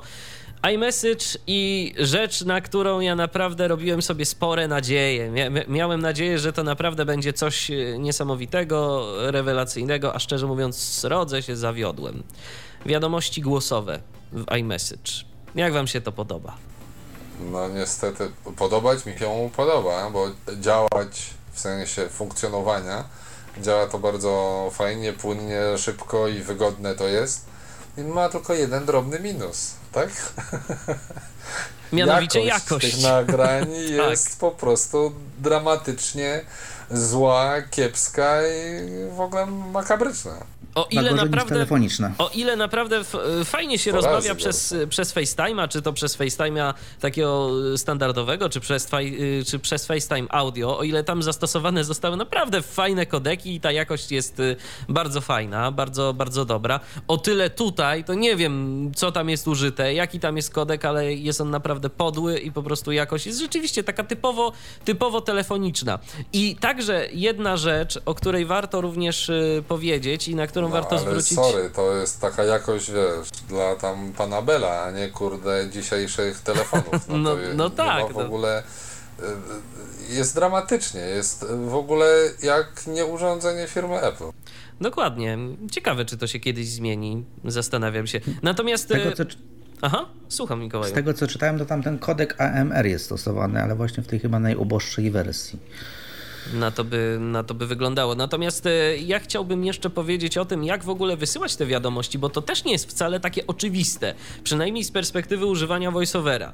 Bo mówiło się o tym, że trzeba przyłożyć do ucha telefon, żeby nagrać wiadomość albo żeby ją odsłuchać. Okej, okay. z odsłuchiwaniem rzeczywiście tak jest, natomiast żeby wiadomość nagrać i żeby tę wiadomość wysłać, zanim przyłożymy telefon do ucha, to trzeba wejść w pole edycji, tak jakbyśmy chcieli wpisywać jakąś wiadomość tekstowo. Wtedy, jak wejdziemy w to pole edycji do wstawienia wiadomości, przykładamy telefon do ucha i możemy zacząć mówić. Usłyszymy taki cichutki brzdęk, i możemy zacząć mówić, możemy zacząć nagrywać. I wtedy ta wiadomość jest dopiero y, rejestrowana. No, chwilę mi to, szczerze mówiąc, zajęło, żeby załapać tę logikę, mm, tym bardziej, że nigdzie o tym nie mogłem się doczytać, że tak trzeba zrobić. Znaczy, ja ci powiem, y, jak to wygląda troszkę, bo y, generalnie wysyłać wiadomości można na kilka sposobów, te wiadomości audio. Taki najprostszy to może przykład z iPada że wystarczy mm, tapnąć dwukrotnie i przytrzymać, tak jak przy przenoszeniu ikon na ekranie i wtedy po prostu dyktujemy naszą wiadomość. Jak oderwiemy palec, mamy do dyspozycji kilka opcji. Odtwórz, wyślij, mm, tego typu. Tylko, że i tutaj kolejny błąd voiceovera, nie można do nich dojść gestem. Przynajmniej tak to u mnie wygląda. Więc trzeba to sobie wymazać, tą funkcję w przypadku iPada, jeśli mam go w orientacji e, horyzontalnej także mam przycisk Home po prawej stronie, to to jest dokładnie obok przycisku, przycisku Home. Mam e, ekranowy przycisk Wyślij, ale można to też obejść w taki sposób, że po prostu kończąc nagrywanie, nie odrywam palca, tylko przeciągam go w górę. Tak jakbym chciał wypchnąć do góry tą wiadomość, którą nagrałem po ekranie i ten taki posuwisty gest sprawia, że wtedy bez wyświetlania dodatkowych opcji od razu ta wiadomość audio jest wysyłana. Słuchajcie, mam wiadomość e, od Mateusza e, tym razem. E, a propos nowego systemu iOS 8.01. Mateusz napisał do nas tak. Mam informację dla ludzi posiadających iPhone'a 6 i 6 Plus. I teraz clue tej informacji. Po update'cie do 801 nie działa sieć komórkowa i Touch ID. Informacja y, zaczerpnięta z portalu myapple.pl. No.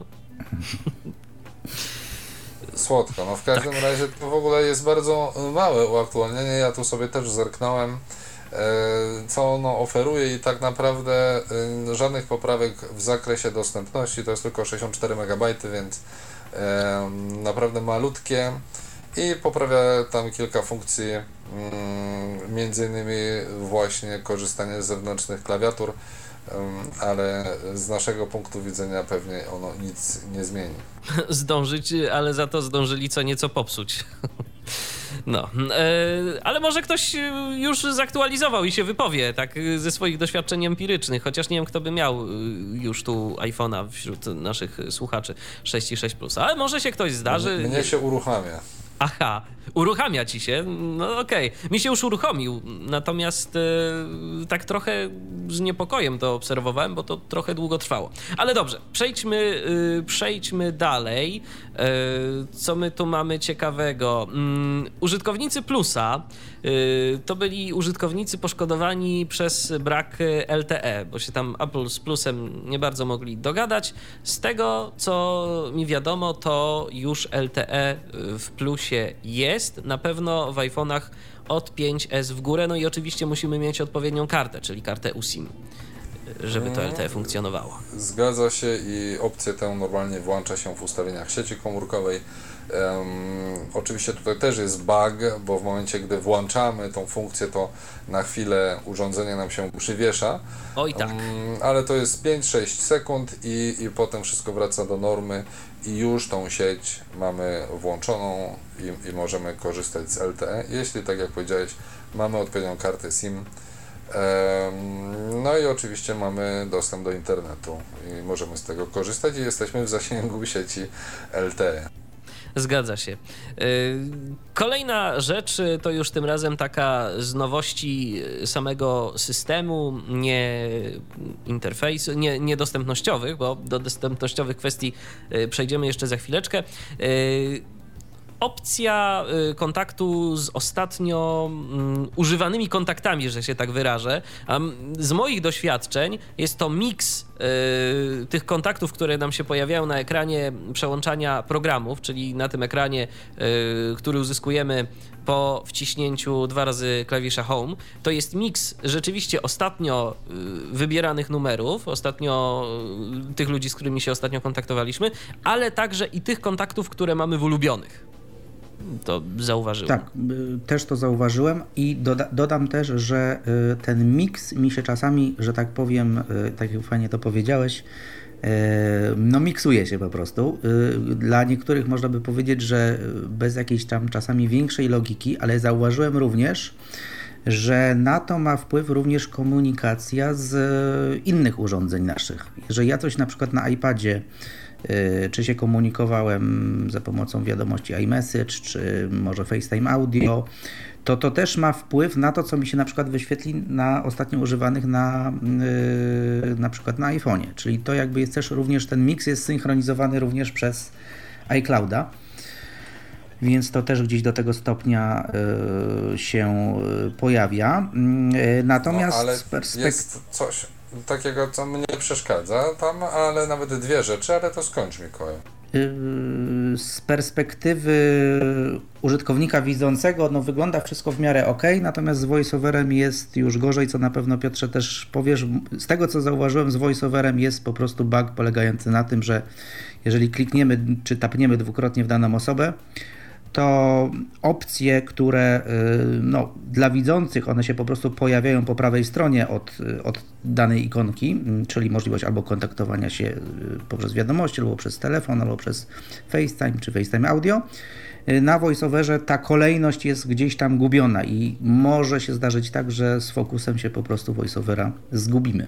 I ja mam takie wrażenie, że te opcje dostępne są tylko przez jakąś tam chwilę, a później pojawia nam się jakby tylko ostatnia z tych opcji. Jak się szybko nie zastanowimy, y, za pomocą jakiego kontaktu chcemy się połączyć, y, jeżeli kontakt ma kilka y, środków komunikacji, czy tam jakiś FaceTime, czy, czy, czy no telefon, tak, czy wiadomość. Nie masz to też zaznaczone, jaki numer na przykład. Jak masz dwa numery tak. telefoniczne, no to nie wiesz, który, nie? I to jest największy problem tego, tego rozwiązania, przynajmniej VoiceOver tego nie uznania, może jakoś tam ikonkami, nie wiem Mikołaj, czy zwróciłeś uwagę, czy to jakoś różnicuje, mm, ale VoiceOver tego nie uznamia, to jest jedna rzecz, a druga rzecz, nawet jeśli tą opcję wyłączymy, to w momencie na iPadzie mam taki bug, przynajmniej miałem jeszcze przed chwilą, zaraz sprawdzę po aktualizacji, że VoiceOver po dwukrotnym naciśnięciu klawisza Home domyślnie wskakiwał mi tak czy siak na tą pozycję ludzie i musiałem dopiero dotykać ekranu u dołu, w dolnej jego części, żeby przełączyć się na jeszcze mam tu taką informację od e, Magdy. Magda napisała, że mm, iPhone 5S e, działa szybciej po aktualizacji na iOSa 8.01. Komunikacja ze sprzętową klawiaturą też jakby się poprawiła, ale nie zapeszajmy. No to nie zapeszajmy. Też, też mam wrażenie, że iPad działa szybciej. Do tego stopnia, że nawet w trakcie wpisywania w tym, co demonstrowałem przed chwilą, w Spotlightie, że w trakcie wpisywania Braillem wcześniej mogłem wpisać cały ciąg i nic VoiceOver nie przerywał, a teraz w momencie pisania on ciągle już mi dodaje programy, programy, czyli to, co tam y, pokazuje niżej, tak, to, co wyszukał, czyli jak gdyby działa dynamicznie. No to dobrze, to miejmy nadzieję, że jeszcze trochę takich ukrytych, niewymienionych przez Apple'a y, poprawek dostępności y, znajdziemy. E, może w takim razie teraz e, kolejna rzecz, o której warto by było powiedzieć, e, to jest aplikacja Zdrowie, czyli coś, z czego tak naprawdę jeszcze nie do końca jesteśmy w stanie korzystać, no ale być może będziemy. Znaczy, myślę, mogli. że o samej aplikacji można powiedzieć, że no jest bardzo prosta ma kilka funkcji na zasadzie, że możemy sobie założyć kartę zdrowia. Pewnie to jest funkcja, która też będzie na razie dostępna pewnie tylko w Stanach na zasadzie, że będziemy mogli jakieś dane wysyłać do, do naszego lekarza. Też w momencie, gdy sprzężymy to z Apple Watchem, będziemy mogli wykorzystywać, obserwować jakieś procesy, nie wiem, spalania kalorii, bo też podajemy wymiary, możemy podać, mm, czy to się jakoś nazywa, parametry ciała, jeśli dobrze pamiętam i kilka innych rzeczy, no ale tak naprawdę ta aplikacja będzie miała sens um, dopiero w momencie, gdy połączymy ją właśnie z jakąś taką opaską, um, która będzie wykorzystywała te nasze dane um, biologiczne to się wszystko zgadza. E, kolejna rzecz, o której to może powiecie coś więcej jako użytkownicy. Przepraszam, aha, przepraszam. Aha. Chciałbym powiedzieć o jeszcze jednej poprawce, jaką zauważyłem. Okay. Właśnie wyświetla mi się hotspot, który mi się nie wyświetla. O, no właśnie, bo, bo, hot, bo z hotspotem to, to też było jakoś tak, że on ja go nie mogłem znaleźć, szczerze mówiąc. I dopiero też zwróciłem na to uwagę, jak ktoś mnie zapytał, a gdzie właściwie jest hotspot? Bo się, bo się schował. Ale udało ci się w końcu? Nie, nie, nie udało mi się go odnaleźć w żaden, ja w żaden powiem, możliwy sposób. Mnie też się od, odnaleźć nie udało, ale w momencie, gdy wszedłem w ustawienia właśnie mm, sieci komórkowej, czy danych komórkowych, czy jak to się tam nazywa, mhm. Mm, tam masz ustawienia hotspotu. Tak y, więc jak gdyby to mnie upewniło, że ta funkcja być tam musi. No tylko, że było śmiesznie, a wprowadziłeś tam jakiekolwiek się... dane y, do tych ustawień hotspotu?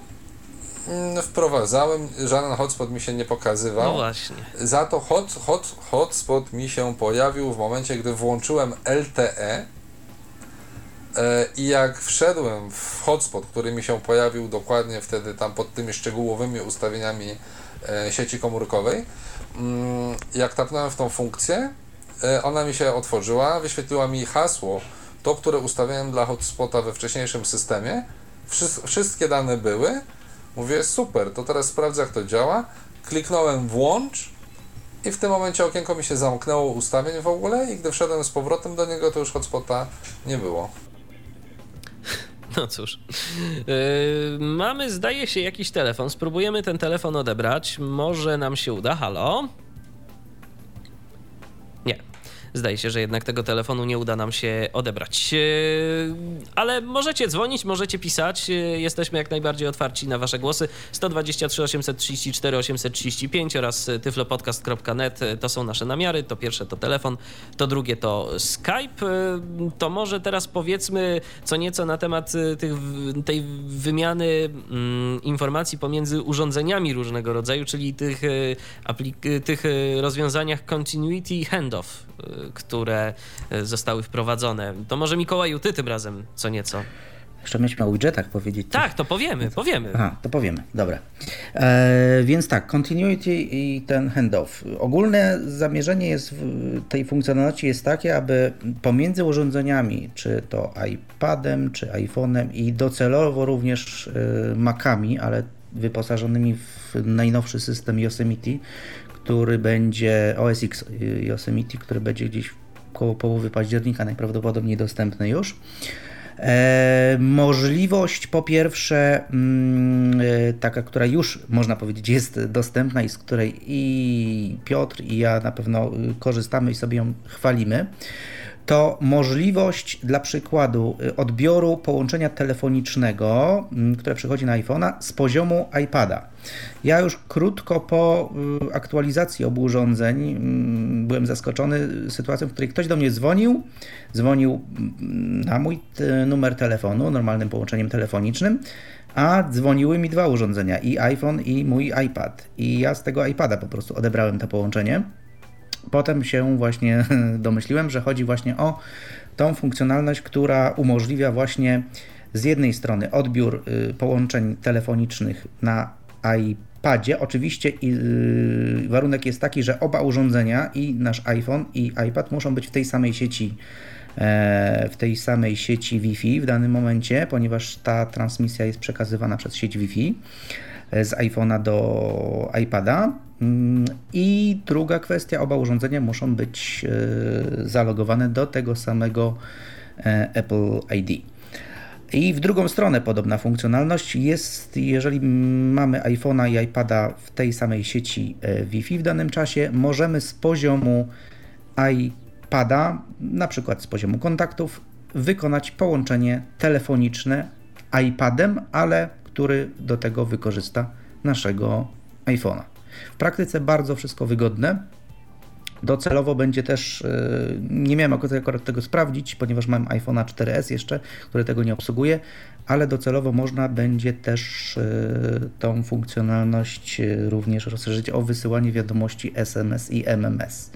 Tak, i to kolejna rzecz, na którą należy zwrócić uwagę, że znowu mamy takie rozgraniczenie, że mm, wszystkie funkcje nowego systemu wspierają mm, dwie wcześniejsze generacje, a trzecia już posiada jakieś tam ograniczenia. Y, to jest takie dość charakterystyczne i to zawsze z tymi nowymi systemami tak było, że trzy urządzenia wstecz i już pojawiały się pewne ograniczenia, które na pewno nie są technologiczne, tak? Bo tutaj myślę, że spokojnie iPhone 4S. Raczej to taka mobilizacja dla użytkowników, żeby kupili Dokładnie. nowy sprzęt. Mamy telefon, Dokładnie więc proponuję, tak. żebyśmy odebrali, bo już y, ktoś, kto jest na linii, Halo, się troszeczkę naczekał. Halo, kogo witamy? Halo, witam Marcin. Witaj Marcinie, słuchamy. Mam pytanie. Aktualizacja iPhone'a 4S do 8.0. Zaktualizowałem na iClops.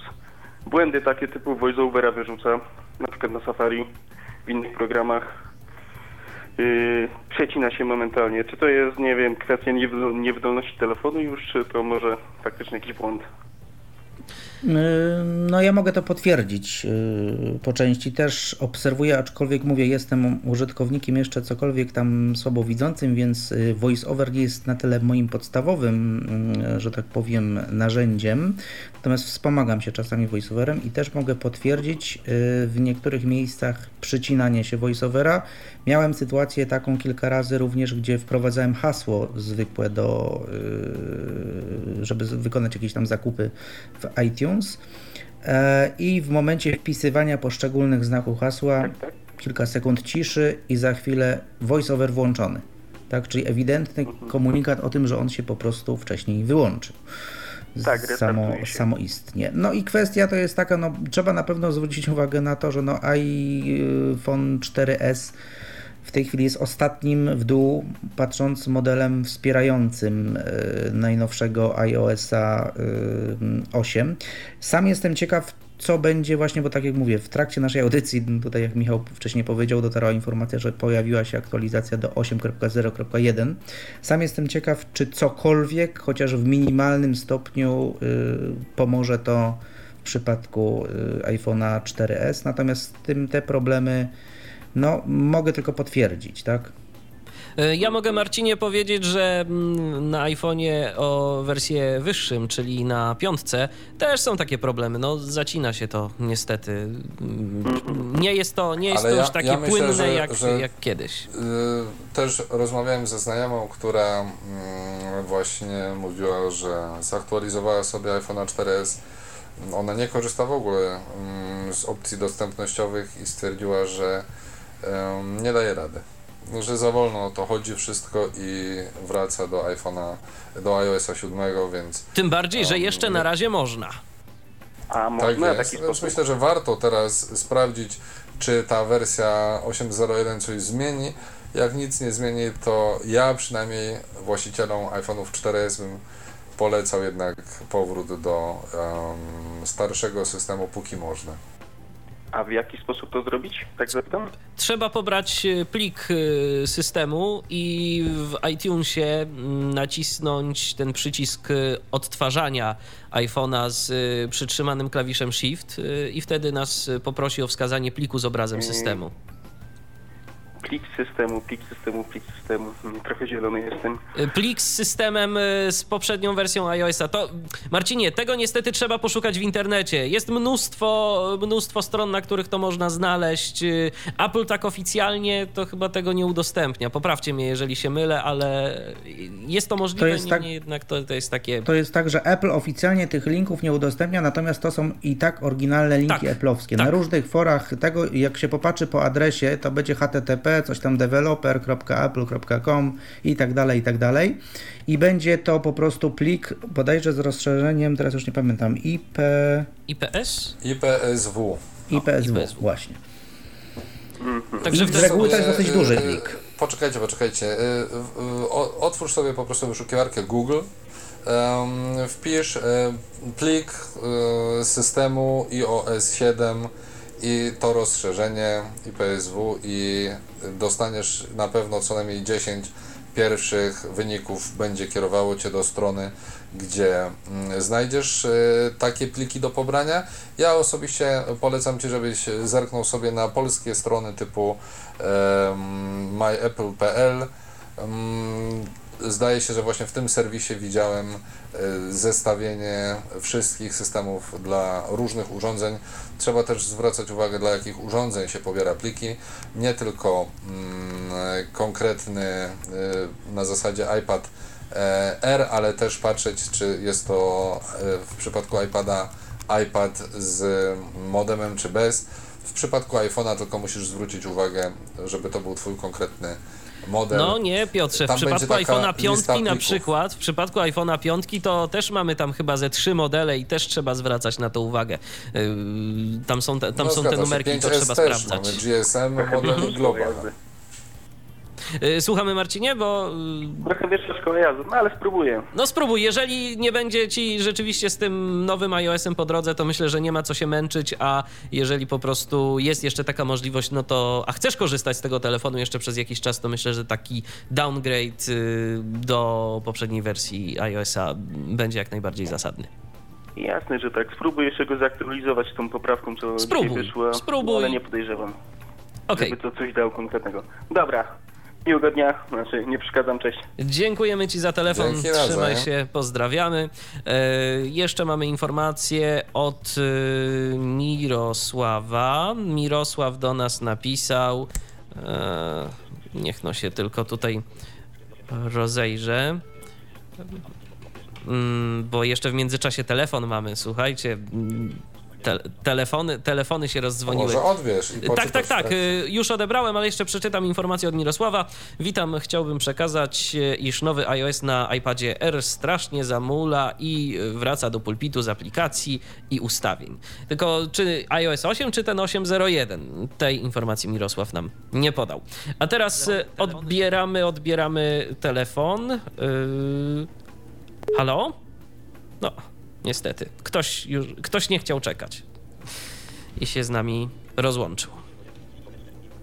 Yy, to teraz yy, przejdźmy może dalej do kolejnych rzeczy, właśnie a propos tych widgetów, bo, bo to jest też yy, ciekawa sprawa. Mikołaju, możesz coś na ten temat powiedzieć więcej? Tak, y, to też jakby kolejna jakby możliwość y, dostosowania albo pewnych treści od zewnętrznych, y, że tak powiem, dostawców, że tak powiem, jeżeli można by to powiedzieć, obok wcześniej wspomnianych klawiatur. Mianowicie na ekranie w centrum powiadomień na tym pierwszym, na tej pierwszej karcie, bo teraz je okrojono, tak jak było wspomniane, do dwóch, karta dzisiaj i mamy kartę powiadomienia. Mówimy teraz o karcie dzisiaj. Na samym, na samej jego końcu, że tak powiem, jest przycisk edytuj, edycja. I mamy tam możliwość dodawania i ustawiania sobie kolejności że tak powiem, własnych widgetów, które pojawiają się właśnie w tej, w tej sekcji.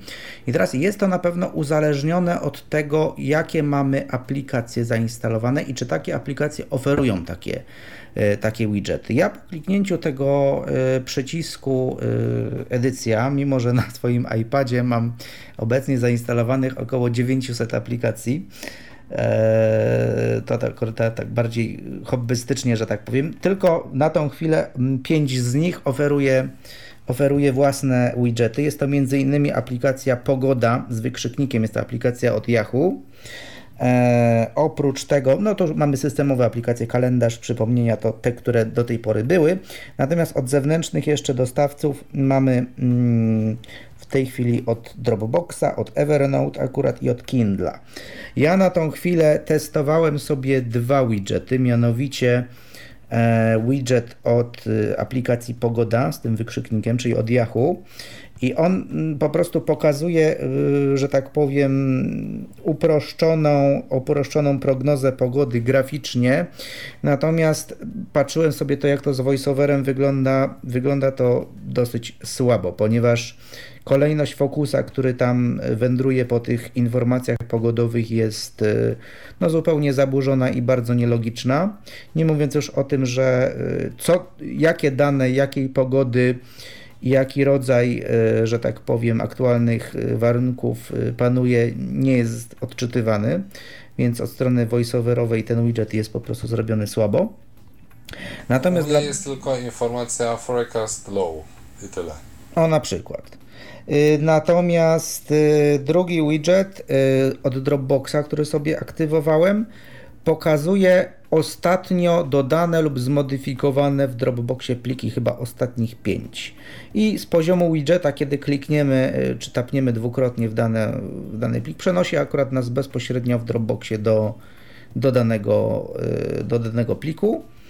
Natomiast przyznam się, że jeszcze widgetów od Evernote ani od Kindle nie testowałem, a widzę, że są dostępne. To ja już wiem, dlaczego nie mogłem tego znaleźć. Po prostu bardzo rzadko wybieram e, sekcję dziś w powiadomieniach, e, w centrum powiadomień, tylko cały czas praktycznie mam włączoną tą drugą opcję, czyli powiadomienia. Swoją drogą... Już pewnie bardzo rzadko na sam dół zjeżdżasz, prawda? A to jest, to jest też inna kwestia. Mamy telefon. E, kogo witamy tym razem? Halo? Dobry wieczór, Iwona z tej strony. Witamy. Witaj, Iwona. Nie słucham od początku audycji, mm, bo się spóźniłam trochę, ale chciałam zapytać o tego nowego iPhone'a 6, ponieważ no, jak uzyskam dotację, to chciałabym nabyć takiego iPhone'a. I chciałam się zapytać, jak jest, y, czy one już będą właśnie z tym, y, y, z tą ósemką zaktualizowaną do 1, tak? I o funkcję VoiceOver, czy to jest tak dobrze działają te funkcje jak, jak we wcześniejszych iPhone'ach? To znaczy tak, yy, odpowiadając na Twoje pierwsze pytanie, yy, na pewno na iPhone'ach 6 i 6 Plus już będzie ósemka. Najprawdopodobniej będzie to raczej 8.0.0 po prostu w obecnych Nie, myślę, raczej. że już jeden, zanim na nasz rynek wejdą, myślę, że już będzie E, z poprawką. Znaczy to bywa różnie. No mówię, yy, natomiast no niezależnie od tego na pewno od ósemki się zacznie. Tak?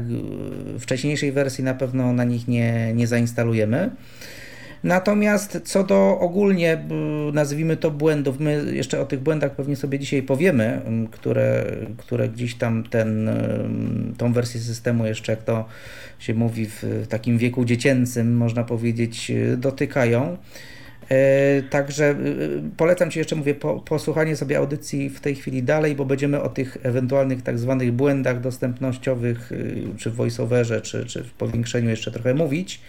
Natomiast, no mówię, one pewnie też będą po prostu pokutować, no, tak jak pokutują w y, obec, no, aktualnej wersji systemu po prostu i tyle. I tutaj Znaczy to, ja, że jeśli jest... mógłbym odpowiedzieć jeszcze mm, na twoje pytanie, bo pytasz też bardziej o telefon. Wiesz, telefon sam sobie się nie zmieni, a Tak, systemy... wszystko, bo chciałabym wiedzieć, czy to, czy to warto. Myślę, że system zostanie poprawiony prędzej czy później. Mm, Wydawało się, ludzie mówili, że a, następna aktualizacja będzie trzeba poczekać parę miesięcy, a tu proszę, już dzisiaj mamy mm, jakąś poprawkę. Myślę, że tych poprawek będzie coraz więcej. I myślę, że w przeciągu miesiąca, dwóch ten system rzeczywiście zostanie postawiony na nogi, bo tak naprawdę, jak rozmawiam też z ludźmi, to osoby, które nie korzystają z opcji dostępnościowych, są zadowolone z tego systemu i to widać po przyroście urządzeń, które mm, w tym momencie już działają pod kontrolą tego systemu. Myślę, że w tym momencie to już będzie około 50%, bo jeszcze dwa dni temu to było 46% wszystkich urządzeń firmy Apple, E, więc myślę, że ludzie korzystają z tego i są zadowoleni. E, I to jest pewnego rodzaju, tak mi się wydaje, jak będziemy się rozmawiać o tych błędach dostępnościowych, że wszystko właśnie powiązane jest poniekąd właśnie z opcjami dostępności. Jeśli strona się nie wczytuje, czy my mamy problem z odczytem strony w przeglądarce internetowej, to nie oznacza, że osoby, które nie korzystają z tych opcji dostępnościowych, mają problem. Ja tak chciałem mojej żonie pokazać jakieś zdjęcie na, na, na, na stronie internetowej. Nie byłem w stanie tego jej um, pokazać z voiceoverem. Dopiero jak wyłączyłem tą funkcję, przy, przyniosła mi tableta, ona sobie przeciągnęła palcem i wszystko miała na ekranie. Myślę więc, że to jest kwestia naprawienia tego, co zostało zepsute przy implementacji tych wszystkich opcji dostępnościowych i myślę, że po pierwsze, zanim dostaniesz jakieś dofinansowanie to raz, a dwa, zanim e, iPhony dotrą do Polski e, i trzy, zanim dotrą do e, sprzedaży bezpośredniej, bo tu jeszcze trzeba zwrócić uwagę na fakt, że jak one do nas dotrą do sklepu, to też nie będą tak hop od razu idziemy do sklepu, dajemy pieniążki na blat i zabieramy urządzenie. Na pewno będzie trzeba czekać na taki telefon, w najlepszym wypadku pewnie ze dwa tygodnie. Więc nawet gdybyś y, dzisiaj ci ktoś obiecał, że ok, myślałam właśnie. dostaniesz tam pieniążki z jakiegoś źródła, to na sam telefon będziesz musiała poczekać do któregoś tam października w najlepszym wypadku, a potem pewnie jeszcze ze dwa tygodnie, także suma summarum gdzieś pewnie w połowie listopada e, mogłabyś się cieszyć dopiero tym Ale urządzeniem. jakby Więc było myślę, warto, że to bym poczekała. Spokojnie. Myślę, że warto poczekać. Słucham. No to fajnie, no to dziękuję bardzo i chciałam mm, podziękować Wam za tę audycję, którą prowadzicie i do, bardzo dobrze, że takie radio w ogóle powstało. No to miło nam to słyszeć i dziękujemy za, za miłe słowa i pozdrawiamy. Do usłyszenia. Dziękuję, dobranoc. Dobranoc. Dobranoc. Czekamy na kolejne telefony i wcale nie będziemy musieli długo czekać. Jeszcze odbierzmy może jeden telefon. O, już nie zdążyliśmy odebrać. Yy, Mirosław do nas dzwonił. Dobrze, słuchajcie, to może przejdziemy dalej do kolejnych yy, jakichś yy, ciekawych rzeczy, które my tu jeszcze mamy. Może przejdźmy już do jakichś takich zmian w systemie, które zauważaliśmy. Um, skoro ten system budzi takie duże zainteresowanie, bo chcieliśmy poruszyć jeszcze kilka innych zewnętrznych kwestii, jak tam Apple TV, ale myślę, że żebyśmy zdążyli przed brzaskiem, to warto jest przejść do, do tych, może tak powiem, podstawowych rzeczy. To może powiedzmy o czymś, co y, dla niektórych może być przyczynkiem do niemałych oszczędności, mianowicie do tego, co zmieniło się, jeżeli chodzi o iCloud, y, coś, co nazywa się Family Sharing. Tak, y, w ogóle iCloud i iCloud Drive i Family Sharing, to warto o tym powiedzieć. Y, z pewnością te osoby, które już y, aktualizowały mm, swój system do ósemki, tuż po aktualizacji na jeszcze ekranie takiej wstępnej, ostatecznej konfiguracji ósemki miały informację o tym, czy, konwer- czy przeprowadzić konwersję do tak zwanego iCloud Drive. Otóż y, troszeczkę wzorem innych y, dostawców, że tak powiem, usług internetowych, m.in. Google'a czy Microsoftu, usługa iCloud, czyli chmury, chmury danych, w której przechowujemy sporą ilość, czy to na, w naszym przypadku urządzeń Apple'owych, czy to kopii zapasowych, czy to zdjęć, czy to kontaktów, tak?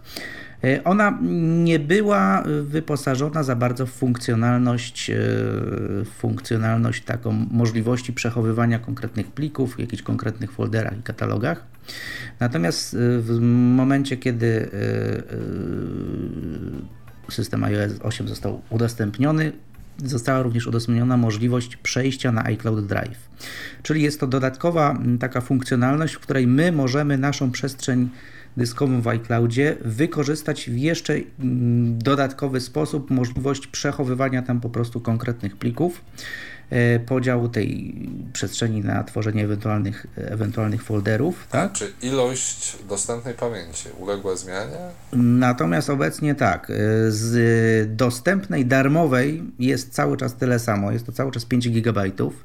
Natomiast, żeby nadgonić konkurencję, Apple postanowiło obniżyć ceny za wykupienie większej ilości miejsca. I tak 20 GB yy, przestrzeni w iCloud i iCloud Drive, można powiedzieć, że teraz syn synonimy to są, yy, będzie kosztowało, właściwie kosztuje już na teraz, bo ta, yy, ta, ta aktualizacja cen też już miała miejsce, bodajże półtora tygodnia temu, kosztuje miesięcznie około dolara z tego co, z tego co pamiętam, czyli 20 GB za dolara, potem chyba drugi pakiet jest 200 gigabajtów za około 4 dolary miesięcznie i tak aż do 1 terabajta, który kosztuje chyba 19 dolarów yy, miesięcznie. Mówię w tej chwili w dolarach, pewnie w przeliczeniu na euro to jest tam niewiele, niewiele, niewiele e, porównywalne w każdym razie na pewno e, cena.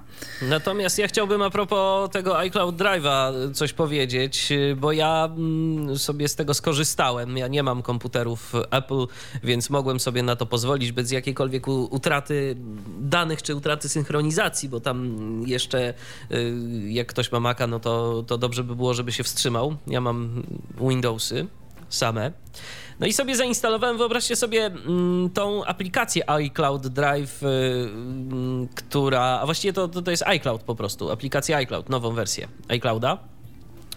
E, nie wiem, czy to już było wcześniej, to tak na marginesie dodam, ale w końcu jest, y, Apple daje jakąś wtyczkę, którą sobie też zainstalowałem, umożliwiającą synchronizację zakładek w Firefoxie. Nie wiem, czy było to wcześniej, ja to zauważyłem dopiero teraz. Natomiast wracając do iCloud Drive'a, ja jestem po prostu bardzo, ale to bardzo rozczarowany tym, co dostajemy. Bo dostajemy rzeczywiście folder gdzieś tam umieszczony w profilu naszego konta, do którego tak nawet prosto nie, nie możemy się dostać, bo trzeba po prostu wiedzieć, gdzie szukać. W użytkownikach w, i, i tam mamy iCloud Drive, yy, taki folder. Yy, nie ma na pulpicie żadnej ikony, nie jest to tak wszystko fajnie zrobione, ale do rzeczy. Co tam mamy w środku? W środku ja mam tylko katalog Pages, Y, a w środku katalogu Pages mam dokumenty stworzone w Pages. Chciałbym je sobie otworzyć. OK, naciskam Enter. Otwiera mi się przeglądarka, domyślnie korzystam z Firefoxa, pojawia mi się komunikat: yy, Twoja przeglądarka nie jest w pełni wspierana, OK. I tak naprawdę kończy się na tym moja przygoda y, z korzystaniem w jakikolwiek sposób z tego mm, iCloud Drive'a bo nawet za bardzo nie mogę edytować tych dokumentów za pomocą przeglądarki. Mogę oczywiście stworzyć nowy folder na przykład sobie gdzieś tam w tym, w tym folderze iCloud Drive. Pewnie. Tylko co z tego, kiedy ja nie mam do niego za bardzo nawet dostępu w iPhone'ie? Pojawia mi się jakaś taka informacja w ustawieniach, że ten, e, kiedy tam wejdę w zarządzanie dyskiem e, w iCloudzie, w ustawieniach iClouda, że mam jakiś plik zaszyfrowany, Mm, czy coś podobnego i nie mogę w to ani w żaden sposób wejść, ani pobrać pliku, tak jak, jak na przykład chciałbym to zrobić z Dropboxem. Yy, nie. Takich możliwości przynajmniej na razie nie ma. Być może dopiero yy, z czasem yy, pojawią się takie możliwości dzięki twórcom aplikacji zewnętrznych. Jednak na razie to no, dla mnie to jest no, duże rozczarowanie. A powiedz mi jeszcze, Michale, sprawdzałeś może plik RTF? Zapisywany w Pages? Y, nie, nie sprawdzałem pliku, nie sprawdzałem pliku RTF. Bo sprawdzałem te natywne mówisz, to jest dokumenty. To kwestia nie tyle iClouda, co tego, że twoja przeglądarka nie obsługuje mm, formatu Pages, tak? Y, nie, Piotrze, y, sprawa jest taka, że otwiera mi się ta webowa wers wersja aplikacji Pages. I dostaję taki komunikat po stronie jakby Apple'a. No, no, no. O to chodzi. Ale rzeczywiście można by było to sprawdzić. No nie sprawdziłem akurat, nie sprawdziłem akurat tego, miałem tam ZDW, jakieś dokumenty, y, z którymi próbowałem coś zrobić, no i efekty były, efekty były marne, ale szkoda, że nie można wciągać tych y, treści zewnętrznych do, do iPhone'a w żaden no, ja sposób. myślę, że to kwestia, kwestia czasu będzie. Myślę, że to w końcu ktoś właśnie zewnętrznie rozwiąże. Tak. Mhm. To jeszcze powiedzmy może o family sharingu. Ktoś z tak, Was testował? family sharing Yy, nie, nie szczególnie. Ja, ja nie testowałem, ale powiem jak to było wcześniej rozwiązywane, tak? Bo ja tak robiłem właśnie między moimi urządzeniami a urządzeniami mojej żony, gdzie każdy z nas posiadał swój Apple ID, ale jednego Apple ID używaliśmy do zakupów. Um, dzięki temu te same aplikacje, które były kupowane na jednym urządzeniu, mogły być instalowane na urządzeniu innym. No ale zawsze była kwestia korzystania z tej jednej i tej samej karty kredytowej i jednego i tego samego konta. A w tym momencie, z tego co rozumiem, tak Mikołaju, można po prostu komuś udostępnić e, z członków naszej rodziny e, tak.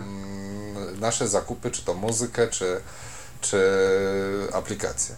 Tak, można po prostu z y, kilku wybranych y, Apple ID stworzyć, można powiedzieć, taką rodzinę, tak, pomiędzy i pomiędzy sobą raz wymieniać się z, y, z jednej strony zakupami, tak, zakupionymi rzeczami, czyli raz kupiona rzecz może być wśród członków rodziny również udostępniona nieodpłatnie. Jeżeli dobrze pamiętam, to mm, ograniczenie chyba jest pięciu użytkowników w takiej, w takiej rodzinie.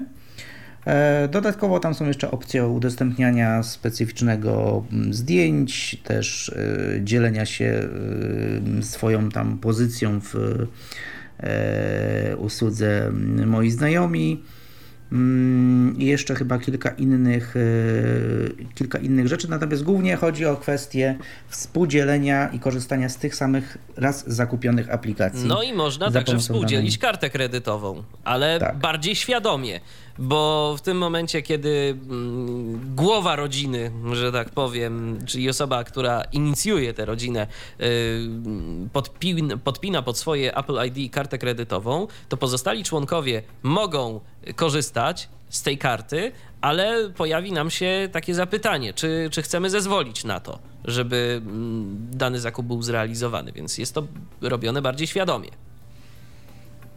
Permanentna inwigilacja, po prostu cały czas kontrola. No, oczywiście. No, mama, tata mogą sprawdzić, tak, co, co, tam, co, tam dziecko. dziecko, co tam dziecko kupuje. I zezwolić Natomiast- ewentualnie na to, czy dziecko kupi, czy nie kupi. Natomiast jeszcze jedna rzecz a propos, a propos y, family sharingu, bo ja miałem okazję sprawdzić to w praktyce i y, niestety, chociaż tego można było się spodziewać, y, wszelkie in-app purchases, czyli te mm, zamówienia wewnątrz aplikacyjne y, nie są przenoszone. To znaczy, jeżeli na przykład, taka prosta rzecz, y, Voice Dream Reader, y, na iPadzie mojego. głosy.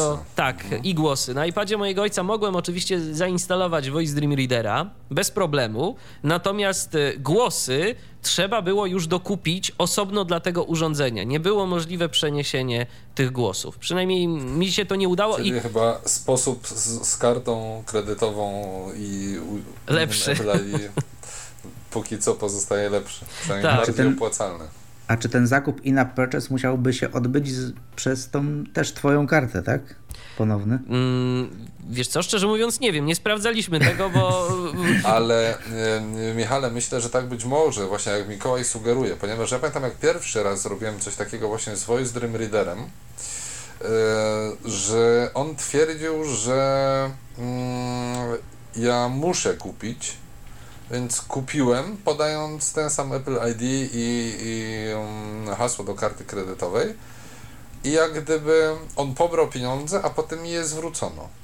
Raz miałem taką sytuację. Aha, no to, to trzeba będzie to jeszcze, to trzeba to będzie jeszcze sprawdzić, bo szczerze mówiąc nie, nie kupowaliśmy tego i y, może rzeczywiście te zakupione głosy y, będzie można, a jeżeli tak by y, się miało to okazać, no to, to będzie to naprawdę fajne. Natomiast z tego, co ja czytałem, to deweloperzy będą mogli sami określać, jak dana aplikacja ma się zachowywać, czy może być udostępniana wewnątrz y, family sharingu, y, czy też, y, mm, czy też nie. I tam jeszcze jakaś jedna trzecia opcja była. Nie To mogę nawet potwierdzić, bo wędrując po sklepie pojawiła się tam taka opcja family sharing yes albo no w przypadku różnych aplikacji, które są do pobrania. Także taki parametr w ogóle, informacja dla kupującego jest w ogóle. Jasne, czy będzie się mógł podzielić, czy nie taką aplikacją z rodziną. Tak. Y, Tak y, jeszcze a propos, a propos zmian, y, jakie zauważyliście, to myślę, że może coś Piotrze, bo to ty zauważyłeś. Ja szczerze mówiąc nie, zwrac- nie zwróciłem jakoś specjalnie na to uwagi, ale może coś nieco więco, więcej powiesz na ten temat. Y, Zmiany w wyglądzie Safari. Em, tak, znaczy to są takie zmiany głównie, które wynikają z zakładek, tak? One związane są z zakładkami i tam mamy w tym momencie kilka. Przede wszystkim jest coś takiego, że zakładki, mm, jeśli otworzymy zakładki i tapniemy sobie w którąś, to zakładki nam się nie zwijają, one dalej pozostają otwarte, więc powinniśmy je sobie zwinąć. Chyba, że chcemy po prostu je tam przeglądać i tam tapać sobie inne zakładki.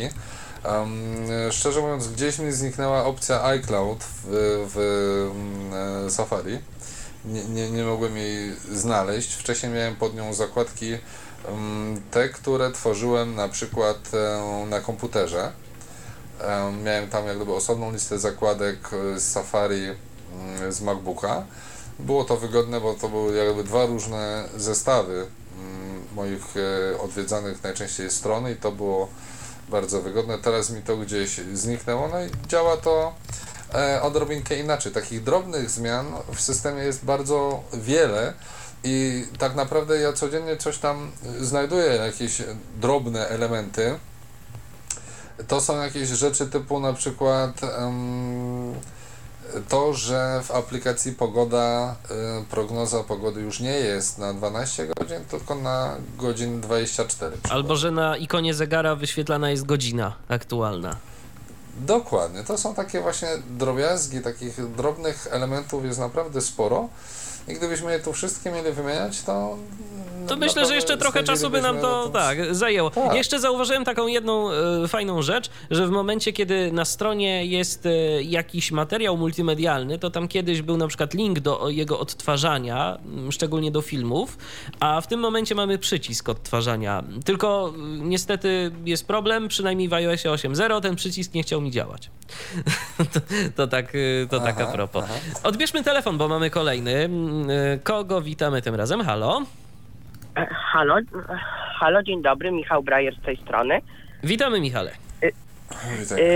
Ja mam, ja mam taką sprawę, ponieważ po aktualizacji swojego iPhone'a 4S do, do iOSa 8 stała się taka sytuacja, że uruchamiam y, jakąś aplikację i po jakimś czasie wyskakuje mi opcja y, nagle voiceover się ucisza, a potem nagle słyszę funkcja voiceover jest włączona, czyli jak gdyby wyłączenie voiceovera, voiceovera i załączenie go ponownie. No, niestety tak się czasem może dziać. To jest I... E, problem, który jest bardzo typowy i występuje w bardzo różnych miejscach.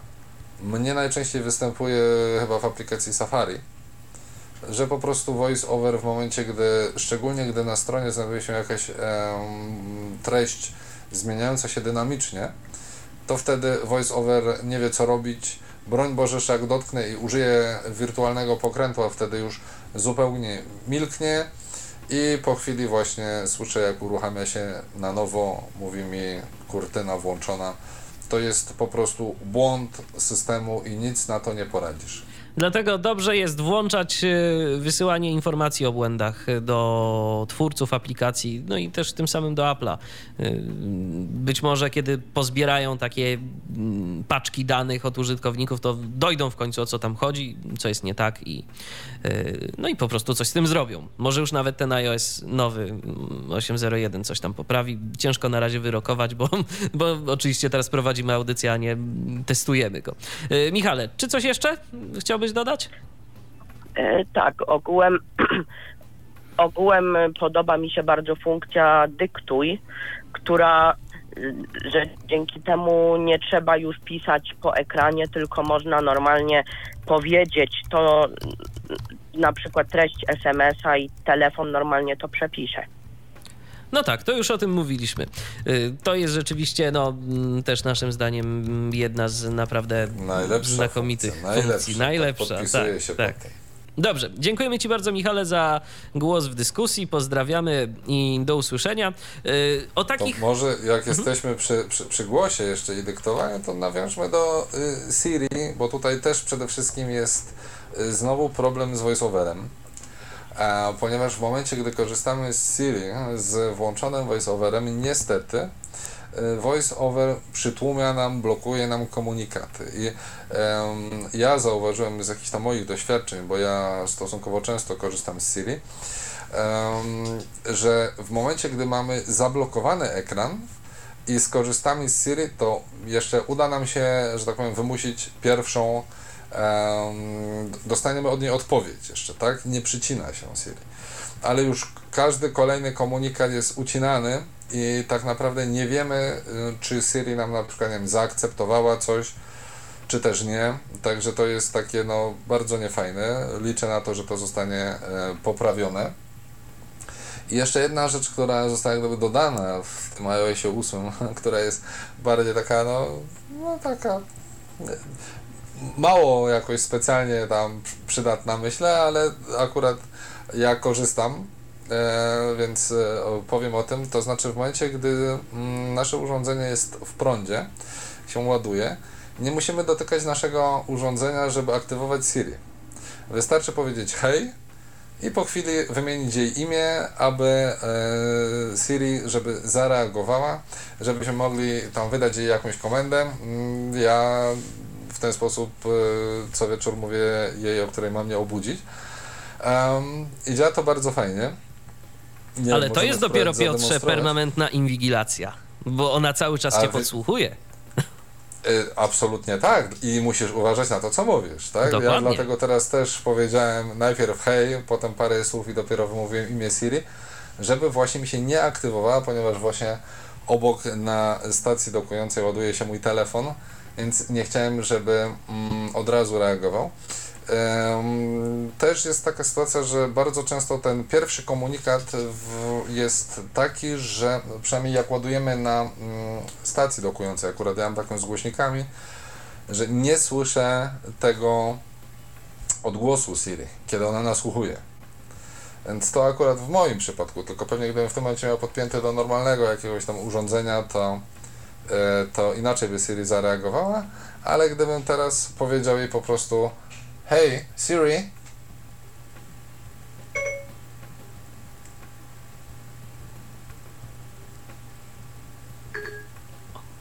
I już.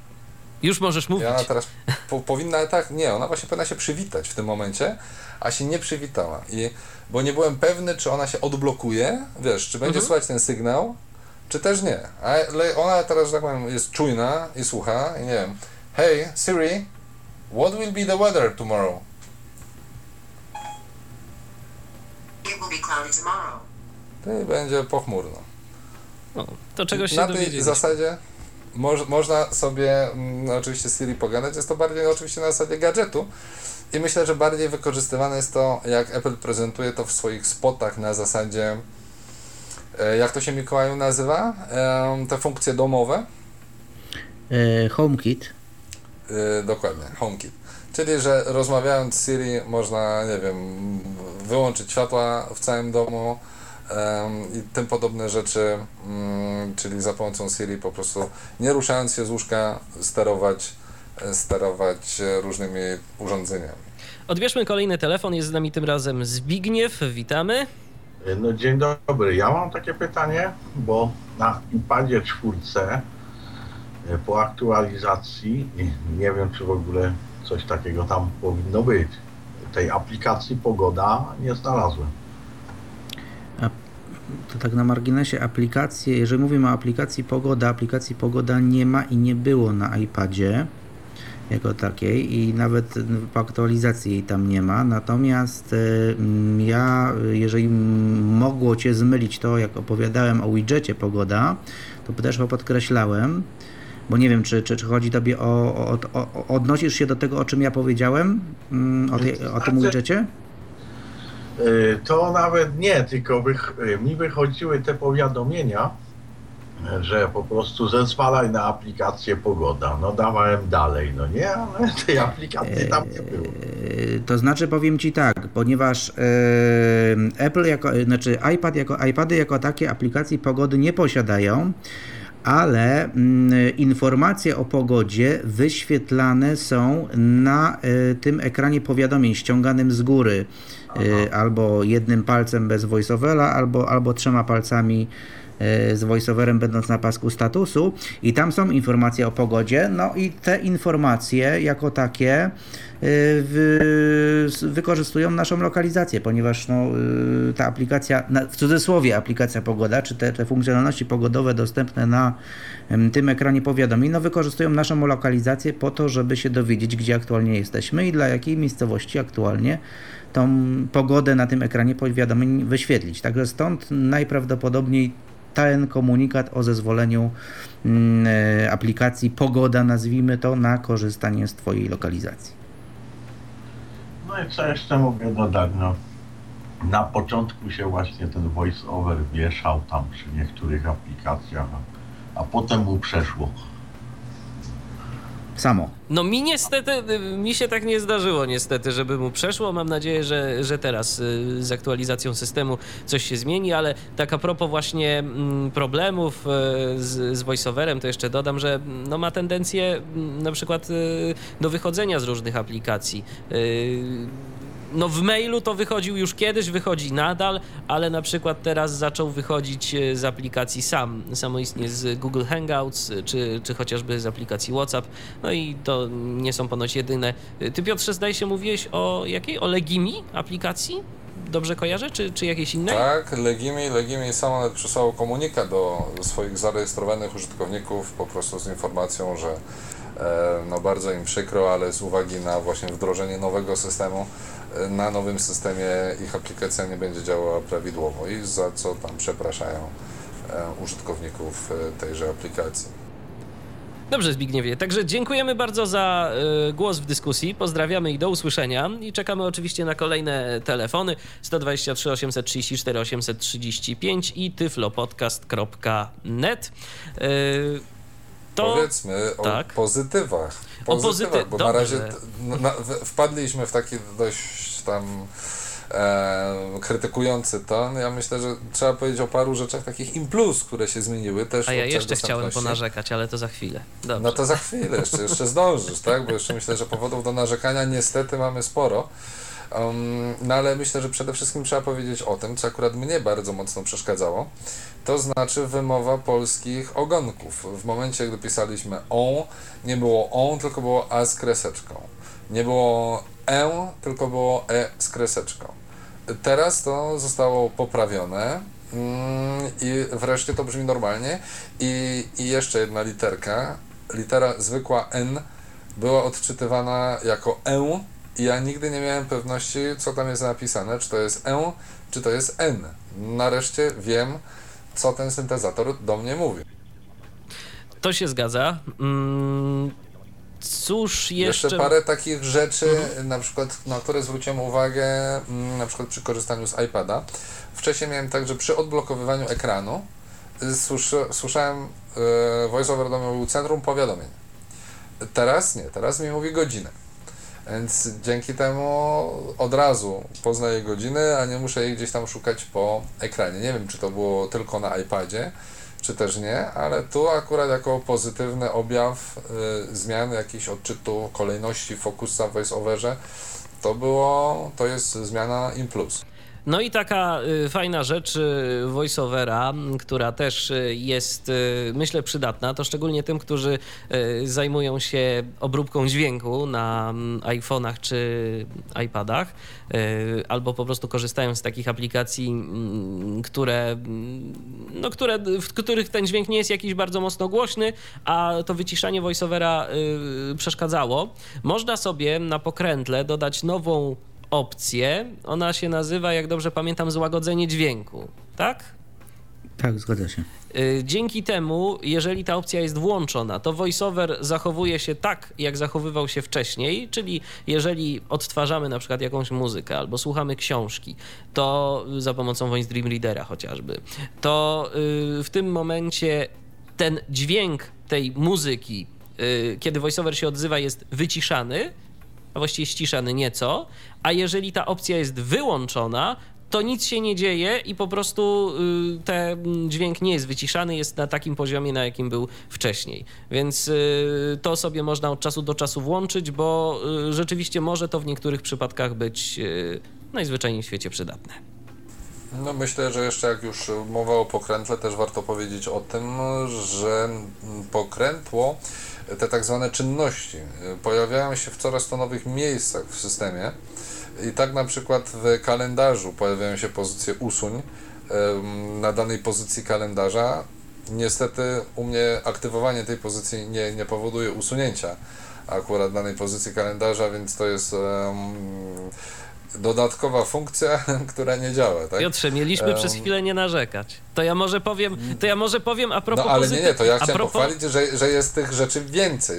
No właśnie. Kalendarz to y, y, jeden z przykładów, ale więcej, e, większej liczbie miejsc te nowe funkcje się pojawiają. Na przykład y, nie jest to może jakoś bardzo przyspieszające, ale mimo wszystko troszeczkę tak.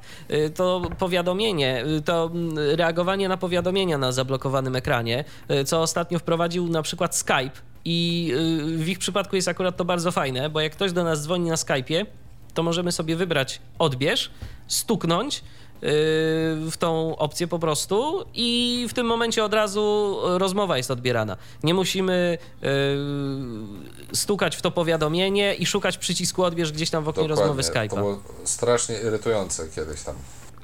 Tak samo odpowiadanie na wiadomości SMS. Teraz to naprawdę bardzo szybko się robi, bo wybieramy odpowiedź, od razu jesteśmy przenoszeni do pola edycji y, z wprowadzaniem y, tekstu i wystarczy teraz dwa razy dwoma palcami stuknąć, żeby uaktywnić sobie chociażby dyktowanie głosowe, podyktować. Dokładnie. Z tą łatwością to tak samo w mailu teraz, tak? Szczególnie gdy mamy wątki. Mm, wcześniej trzeba było gdzieś tam szukać przycisku następny, poprzedni, a teraz e, gest trzema palcami przewijania e, w lewo, w prawo powoduje, że otwiera nam się następna lub poprzednia wiadomość i w ten sposób bardzo szybko możemy sobie przeglądać e, całe wątki, czytając maile. No, jeśli chcemy na któryś odpo odpowiedzieć, oczywiście dajemy odpowiedź i ponownie stukamy dwoma palcami i dyktujemy. A propos maili. Z tego a propos maili. genialna sprawa. A propos maili. Czy działa Wam powiadamianie o odpowiedziach w nowych wątkach? Ja przyznaję się, jeszcze nie testowałem. Ja nie sprawdzałem tego. Ja to oznaczyłem. Ale ja to jest jeszcze dodatkowa funkcja, to, to Mikołaju, przy okazji to minimalizowanie w mailu. Korzystałeś z tego? Górna część aplikacji, górna część okna? Górna część okna, minimalizowanie. Tak, jest taki przycisk, którego, który trzeba wyszukać y, i, i, w niego stuknąć, y, bo w innym przypadku jakoś tak nie bardzo gestami byłem w stanie do tego przycisku przejść, ale jest przycisk minimalizacji. Ale co on dokładnie robi, szczerze mówiąc, nie No ja też nie tego nie sprawdzałem, więc miałem nadzieję, że Mikołaj się zainteresował, ale to najwyżej na zadanie domowe. Tak, albo dla naszych słuchaczy po prostu na zadanie domowe, y, żeby sobie przetestować, y, bo być może będzie to coś, y, będzie to coś fajnego. No ale jak widać, Apple też chce popularyzować voiceovera, tak, bo wprowadza nowe funkcje, które e, umożliwiają odczyt, skorzystanie z voiceovera, także osobom które na co dzień z niego nie korzystają. Myślę, że tutaj Mikołaj może nam powiedzieć parę słów na temat tak, nowych opcji dostępnościowych można by to nazwać taką funkcją voiceoverem bez voiceovera, tak? Bo jest to, można powiedzieć, uproszczona funkcja, funkcja, która się nazywa yy, czy, przeczytaj ekran w polskiej wersji, w angielskiej nazywa się speak screen. Yy, I to polega po prostu na tym, że przy wyłączonym voiceoverze, yy, kiedy przeciągniemy po prostu dwoma palcami. Do powiedzenia. O, w tej chwili akurat Próbuję to robić na, na ekranie głównym. Na ekranie nie ma niczego do powiedzenia. Na ekranie nie ma niczego do powiedzenia. E, na głównym ekranie akurat to, e, to nie działa, bo, bo musimy mieć jakąś konkretną treść, ale spróbuję zrobić to na stronie internetowej. Tyflo Podcast. Idź do menu. Jesteś tutaj. Tyflo Podcast. Posłuchaj Tyfloradia. Posłuchaj Tyfloradia. Jesteś w podróży i masz dostęp tylko do mobilnego internetu. A może nie chce ci się przedzierać przez nasze już całkiem obszerne archiwum audycji? Posłuchaj Tyfloradia. Na naszej antenie prezentujemy wszystkie zgromadzone na stronach Tyflo Podcast, Tyflo Podcastu audycje, a to dopiero początek. No to jesteś, wygląda, że na Tyfloradia. funkcję, posłuchaj którą Tyfloradia. znamy Jest, też z systemu macOS, tak? Gdzie tam w Safari jest taka funkcja zaimplementowana już od kilku wersji tego systemu i która nam umożliwia też właśnie nawet, czy znaczy nam, osobom, które nie korzystają z technologii asystujących, odczytanie właśnie zawartości okna przeglądarki, akurat w tym wypadku. Tak, tak. I to jest po prostu funkcja, która jakby dla osób, być może z jednej strony i słabowidzących, albo dla czy starszych, czy może trochę leniwych, które mają coś więcej do przeczytania, y, po prostu prostym gestem y, przeciągnięcie dwóch pal dwu, dwoma palcami w dół, oczywiście przy wyłączonym voiceowie, że podkreślam, umożliwia właśnie odczytanie, odczytanie całej, całej zawartości niejako od deski do deski, natomiast na ekranie pojawia się takie okno swego rodzaju odtwarzacza, można powiedzieć, bo jest guzik play, stop, w przód, w tył i dwie ikonki zająca i żółwia, które symbolizują odpowiednio przyspieszanie, tudzież spowalnianie, spowalnianie naszej wypowiedzi, jak również w ogóle wyjście z samej, z samej funkcji, ponieważ kiedy ta funkcja też y, dojdzie do końca czytania danego dokumentu, strony i tak dalej, ona sama automatycznie się wyłącza, z ekranu nam gaśnie też ten y, odtwarzacz. Mam informację od Mirosława a propos iOS 8.01, że został póki co wycofany ze względu na te problemy z iPhone'em 6. No cóż, ciekawe, czy ktokolwiek będzie się mógł do mnie dodzwonić, bo może to nie tylko na szóstce działa w ten sposób, ale mamy e, kolejne pytania. Pytania od Andrzeja tym razem. E, Andrzej napisał tak. Mam pytanie. W nowej wersji systemu Siri rozumie po polsku. Czy język komunikacji z nią jest jako polski ustawiony domyślnie w tej nowej wersji? Czy trzeba to sobie przestawiać i czy jest gdzieś dostępny wykaz polskich komend dla Siri? No i niestety Siri nie rozumie po polsku niczego więcej poza dyktowaniem tekstu. Tak. To, to trzeba powiedzieć. I po, Czekamy po polsku, i po polsku Siri. Siri. też nie potrafi z nami y, porozmawiać, więc Siri służy tylko do dyktowania. To jest to, o czym y, wspominaliśmy wcześniej, że niestety, ale no po prostu, jeżeli mielibyśmy ochotę porozmawiać sobie z Siri, to, to się najzwyczajniej w świecie nie da tego zrobić. Co my tu jeszcze mamy? Bo tak przeglądam, bo rozpisaliście się. Jestem ciekaw te odcienie szarości, jak to działa. Nie jestem w stanie tego stwierdzić, Mikołaju, oświeć y, To wygląda po prostu tak, że wprowadzono y, oprócz do tej pory dostępnego y, możliwości odwrócenia kolorów dla tych osób, dla których ewentualne, mm, że tak powiem, kolory czy jakieś jasne barwy powodują powiedzmy dodatkowy dyskomfort. Ta funkcja w pewnym sensie została zaimplementowana po części z, Mac, z Mac OS-a czy z OS X-a. E, bo już tam istnieje chyba od dwóch wersji.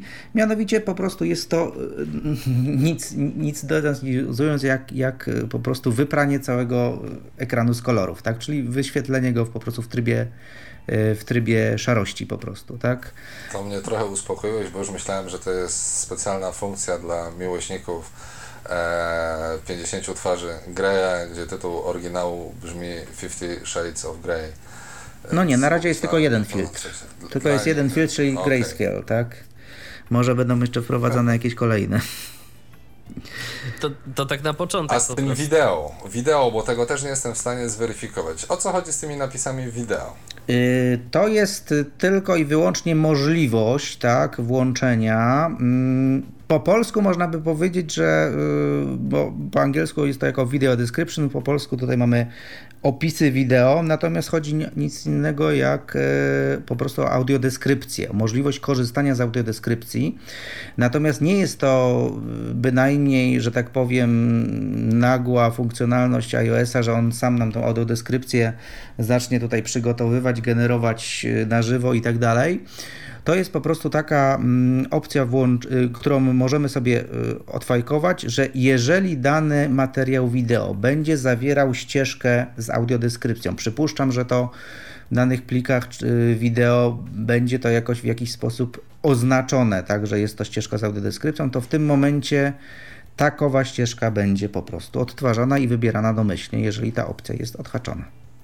No to fajne. A ja mam jedno pytanie jeszcze do Ciebie.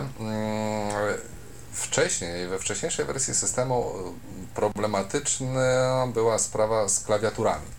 To znaczy, jak ktoś sobie ustawił kolorystykę klawiatury mm, do wybierania numerów, e, to często osoby słabowidzące skarżyły się na widoczność przycisków.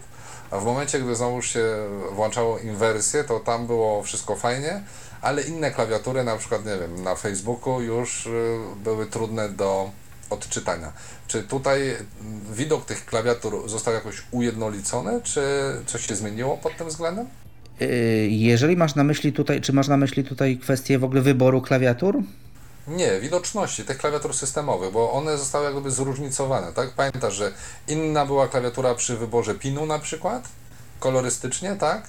A inna do, nie wiem, logowania się do App Store to tu zostało tak samo jak było. Tu zostało tak samo jak było. W logowaniu do App Store, jak również w Spotlightie jest to klawiatura y, czarna czy ciemna z jasnymi y, literkami na niej. Natomiast wszędzie indziej systemowa klawiatura jest, y, jest po prostu jasna. Natomiast problem ewentualnie dla osób, dla których ta podstawowa klawiatura jest zbyt jasna, tak, tutaj bardzo mocno upatruję w y, klawiaturach dostępnych od dostawców zewnętrznych, nawet, y, że tak powiem, w, reklamówkach, jeżeli tak można nazwać tych dostawców zewnętrznych, jest na przykład klawiatura Swipe, jeszcze jej nie instalowałem, ona oferuje ileś wystrojów, ileś tematów, ileś wystrojów tematycznych, wśród nich jest co najmniej chyba trzy są odwrócone kolory po prostu samej klawiatury. Czyli można by powiedzieć, że wśród dostawców zewnętrznych klawiatury można by upatrywać pewnych potencjalnych możliwości ułatwień dla osób też słabowidzących. Ja na to też ciemna... liczę, że może być tak jak na Androidzie, że na przykład będziemy mogli mieć włączone nasze polecenia głosowe po polsku, czyli wyłączoną Siri, a któraś z klawiatur będzie miała opcję dyktowania. No właśnie, ja też mam taką nadzieję, szczerze mówiąc, i chciałbym, żeby tak się stało, ale to po prostu jeszcze jest jedna kwestia, że te klawiatury muszą być dostępne, bo ja sobie zainstalowałem, teraz już nie pamiętam nawet, którą tą klawiaturę próbowałem uaktywnić, ale po prostu najzwyczajniej w świecie ona z voiceoverem mi nie działała. Więc yy, to z tymi klawiaturami to tak jest, że oczywiście Apple daje takie możliwości, ale one mm, w tym momencie no po prostu muszą jeszcze być wspierane gdzieś tam przez tych twórców zewnętrznych i ci twórcy też muszą pamiętać o tej dostępności, bo jeżeli nie będą okay. o tym pamiętać, no to będzie, to będzie problem. Trzymamy kciuki w takim razie za nowe klawiatury. A Mikołaj, jak Cię tak podpytujemy o te opcje jeszcze dostępne dla osób e, słabowidzących, e, to powiedz nam coś na temat e, opcji nowej lubki, nowego trybu obsługi jedną ręką, bo to pewnie już też pod tak, warto... nowe duże iPhony.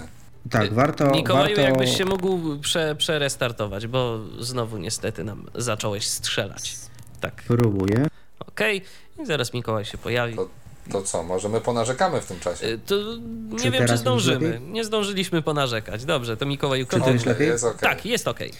Okej, okay, e, więc na pewno tutaj jest e, sporo zrobiono w e, kontekście osób słabowidzących, ponieważ opcje powiększenia no, praktycznie nie były, nie były aktualizowane zasadniczo od samego początku, kiedy te ułatwienia dostępności w 2009 roku, już teraz nie pamiętam, czy to było iOS 4 czy 3, e, się pojawiły. Mm, było to po prostu pełnoekranowe powiększenie, sterowane, y, obsługiwane, można powiedzieć, no, dwoma, dwoma dłońmi, bo jedna musiała trzymać urządzenie, a druga musiała wykonywać gest y, trzema palcami podwójnego, podwójnego tapnięcia, aby je włączyć, ewentualnie podwójnego tapnięcia z przytrzymaniem, aby je regulować. Natomiast pojawiły się tutaj zasadniczo kilka rzeczy. Pierwsza rzecz, nowy tryb powiększenia się pojawił, mianowicie tryb lupy. E, który um, jakby umożliwia powiększenie tylko części danego ekranu mm, i tą lupą, czyli tym powiększonym, nazwijmy prostokątem, który również możemy zmieniać sobie jego wielkość. znane z komputerów, prawda? Rozwiązania. Tak, znane z komputerów, znane z programów y, powiększających typu tam Zoom, Text czy, czy na przykład Magic. E, I możliwość właśnie mm, poruszania też tą lupą, możliwość zmiany jej wielkości, tak? E, I dodatkowo kolejna rzecz, e, pojawiło się takie zaawansowane menu powiększenia. Jeżeli mamy włączone powiększenie i tapniemy trzema palcami trzy razy, pojawia nam się menu powiększenia.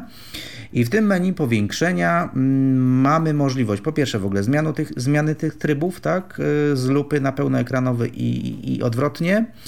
Oprócz tego pojawiła się, mm, pojawił się tak zwany kontroler powiększenia. Jest to jakby to tak w skrócie opisać, takie miejsce, taki, taki mm, e, swego rodzaju kółeczko, które pojawia się na ekranie, możemy jego lokalizację za pomocą przytrzymania palcem i przesuwania, jego lokalizację możemy sobie zmienić. Możemy je ustawić, czy to przy jakiejś krawędzi ekranu, czy to na środku ekranu, w dowolnym miejscu. No, domyślnie to y, polecam ustawić sobie gdzieś przy krawędzi ekranu, ponieważ zadaniem tego kółeczka jest możliwość obsługi powiększenia jedną ręką. Czyli jeżeli trzymamy telefon, yy, załóżmy prawej dłoni, załóżmy, tak, i używamy naszego kciuka, Lewą to, trzymamy kierownicę na przykład, to, y, to y, mamy możliwość przez y, pojedyncze tapnięcie na tym kółku w ogóle uruchomienia powiększenia.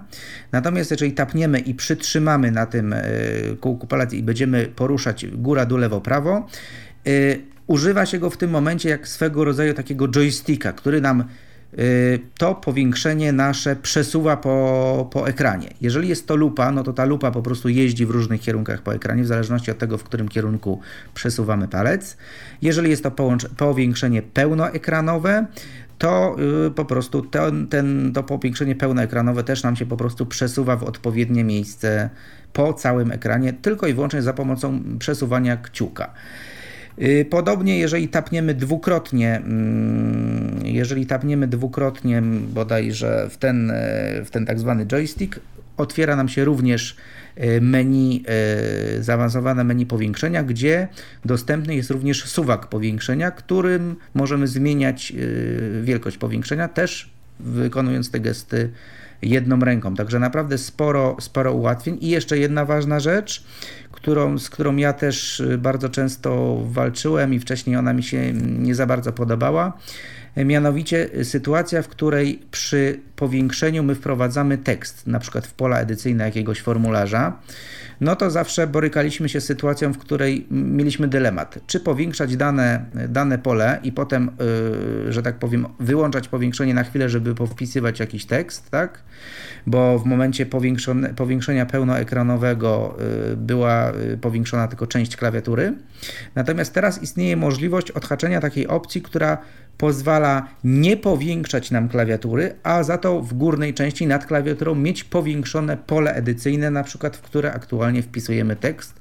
No i jest to znacznie wygodniejsza forma, ponieważ nie musimy w momencie wpisywania tekstu, nie musimy, że tak powiem, żonglować między ciągłym włączaniem i wyłączaniem powiększenia. Także tyle jest naprawdę yy, dużych ułatwień i sporych, można powiedzieć, rewolucji w zakresie funkcji Zoom, czyli powiększenia. E, jeszcze w międzyczasie Andrzej zapytał nas o aplikację porady, czyli o taki kolejny mm, nowy, o taką kolejną nową rzecz, e, która pojawiła się w iOSie 8. E, mm, Andrzej pyta, czy jakichś porad można się spodziewać więcej, bo tam na razie jest ich tylko kilka i informacja, że zapraszamy wkrótce. Siedem bodajże. 8. O! Wow! To iOS 8 w końcu. No tak! To, to, to być może z, z, nową wersją iOS-a dojdzie nam jakaś dziewiąta porada. Nie, ale tak poważnie mówiąc, pewnie, pewnie tak. No, ciężko mówić za Apple'a, tak? Ale prawdopodobnie, prawdopodobnie będzie. Wiecie co? Zauważyłem jeszcze jedną rzecz. Y, VoiceOver mówi mi y, w końcu, tak jak mówił mi na iPadzie, że y, dotykam ikon w doku. Wcześniej tego nie mówił. To tak, y, taka ciekawostka. w tej chwili już masz tą wycofaną 8.01. E, ale na 8.0 też. Na 8.0 też Aha. mówił, a na 7 nie mówił. Ale mówisz, że o doku, tak? Że tak. jak wchodzisz do doka, że ci mówi... Tak, że mówi, że dok. A nie no mówił wcześniej. też mówię, no. no. Y czy coś jeszcze, czy coś jeszcze z takich y, ważnych rzeczy, które wam utkwiły a propos nowych funkcji iOS-a, y, czy, czy jeszcze przejdziemy do tych bugów nieszczęsnych, o których trochę już powiedzieliśmy, ale ale chyba jeszcze, jeszcze warto trochę o nich więcej powiedzieć, myślę, żeby ludzie wiedzieli. Sporo ich jeszcze się... zostało i mm. myślę, że szybciutko powinniśmy wspomnieć o, o kilku z nich. Dobrze, to yy, taka rzecz, yy, o którą już pytała Magda, yy, czy, czy o tym wspominaliśmy? Nie, nie wspominaliśmy jeszcze, ale rzeczywiście jest to, jest to dosyć irytujące, mianowicie odbieranie połączeń telefonicznych y, dwoma palcami. Y, czasem to nie działa. E, albo działa w sposób e, niepożądany. Ja ostatnio miałem bardzo fajny miks. Ja myślałem, że po prostu, bo rozmawiałem akurat ze znajomym, który ma takie tendencje do e, podłączania na przykład telefonu pod mikser i, i emitowania mi różnych dźwięków, ale ostatnio miałem rozmowę ze znajomym na podkładzie płyty Songs of Innocence zespołu YouTube.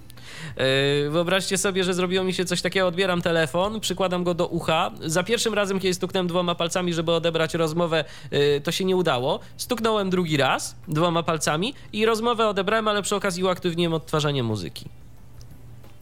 Także to nie wiem, czy to traktować w kategorii it's not a bug, it's a feature, żeby się przyjemniej rozmawiało, czy, czy to jednak błąd. No ja myślę, że zdecydowanie błąd i tu nie ma dwóch zdań w ogóle. Um, szczerze mówiąc, ja na moim iPhone 5 z tego nie zaobserwowałem e, podobnych problemów. E, ani z muzyką, ani jeśli gdzieś tam miałem Voice Dream Readera włączonego. E, bez problemu odbieram połączenia. Mm, tak samo nie obserwuję takiego błędu, który mm, wiele osób zgłasza, że zniknęła im informacja powiadamiania o tym, kto dzwoni.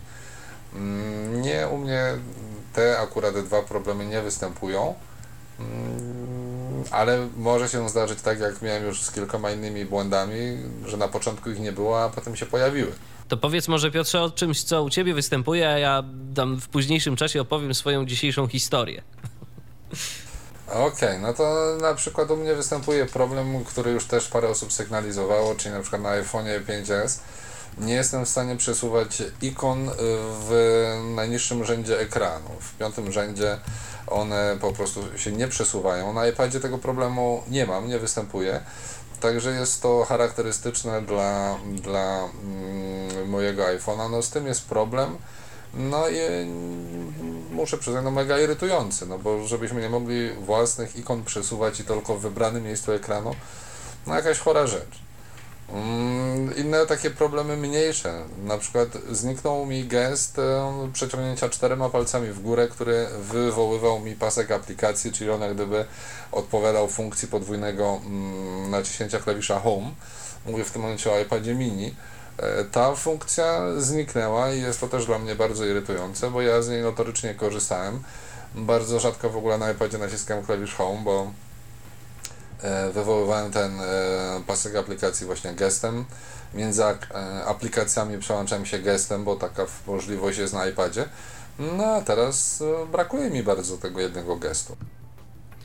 Mikołaju, a u ciebie jakieś błędy takie charakterystyczne się pojawiły? Yy, tak, zdarzyło się właśnie przy tych. E, na samym początku zauważyłem to no, głównie na iPadzie. Mm, w sytuacji, kiedy korzystam z tych e, różnych udogodnień związanych z tą lupą, i w sytuacji takiej, kiedy zmieniam orientację ekranu, mm, zaczęły się, że tak powiem, pojawiać takie mm, kwiatki pod tytułem kiedy korzystam z iPada w pozycji pionowej, tak, czyli przycisk Home jest w, skierowany w dół e, i go obracam, tak.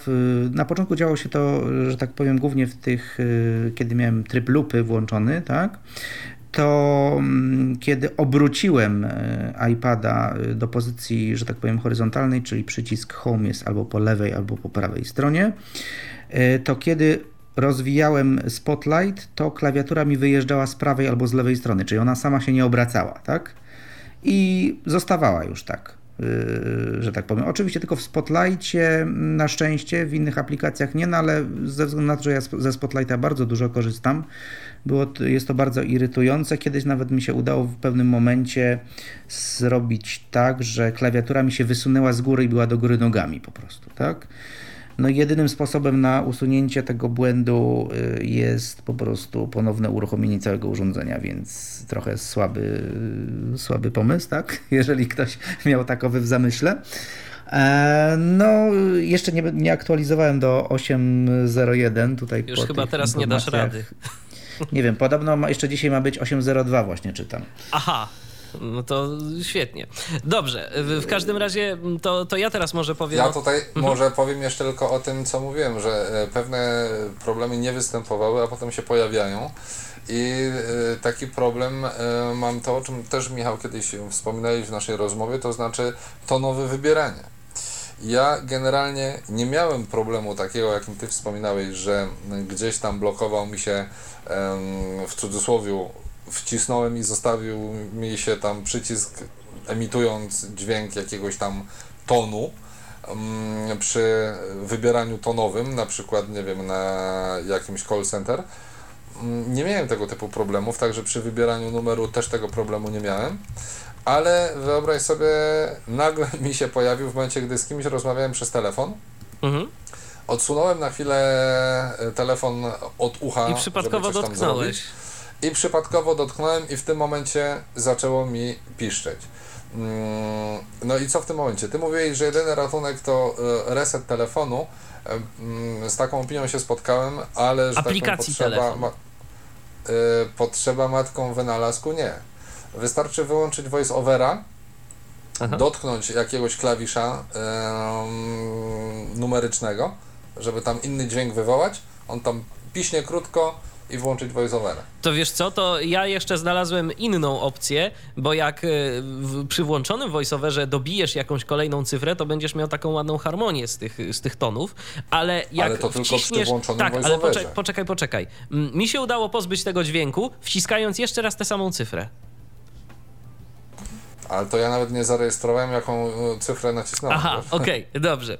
Natomiast y, kolejny taki błąd, i to moim zdaniem najpoważniejszy błąd y, dostępnościowy, jak dla nas y, w iPhone'ie, Oczywiście no, trzeba y, ten błąd samoistnie wywołać, ale ja dziś postanowiłem, że wywołam, bo czytałem o tym błędzie, że mm, można tak sobie skutecznie zawiesić telefon, no to stwierdziłem, że sprawdzę.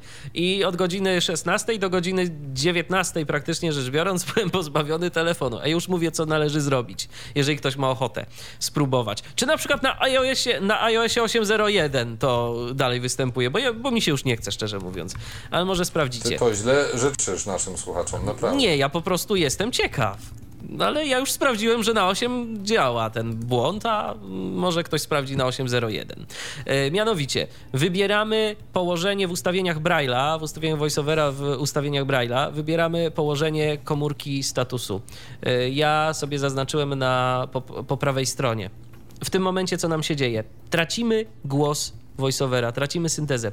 Voiceover jest aktywny, ale nie słychać ani dźwięków voiceovera, ani syntezy voiceovera. Możemy włączać tego voiceovera, wyłączać, możemy naciskać tam ten home czy, czy wyłącznik nawet tak na dobrą sprawę po kilka razy. Możemy kazać Siri turn on voiceover, turn off voiceover. Nic to nie da. Y, ja nie mogłem dziś nawet przywrócić iPhone'a za pomocą iTunesa, bo miałem opcję aktywną znajdź mój iPhone. Y, no i musiałem skorzystać ze strony internetowej, która jest naprawdę dostępna w bardzo niefajny sposób, y, jeżeli chodzi o iClouda i tą usługę Find My iPhone, y, ale jakoś mi się to w końcu udało. Później się okazało, że jeszcze niechcący uaktywniłem sobie tryb utracony tego iPhone'a, nie mogłem go zaktywować, y, później całe szczęście jakoś udało mi się go wyłączyć, no i teraz już działa mi iPhone, ale no trzy godziny wyjęte z życiorysu, a gdyby to stało się w podróży, Y, to po prostu zostałbym pozbawiony telefonu, a mm, z racji tego, że część z nas wykorzystuje e, iPhone'a nie tylko jako y, sprzęt do rozmów, ale też i do znacznie większej ilości rzeczy, chociażby do nawigacji, to bardzo niebezpieczna sytuacja. No zgadza się, zgadza się, no ale to widzisz, tych błędów no ciągle jest sporo.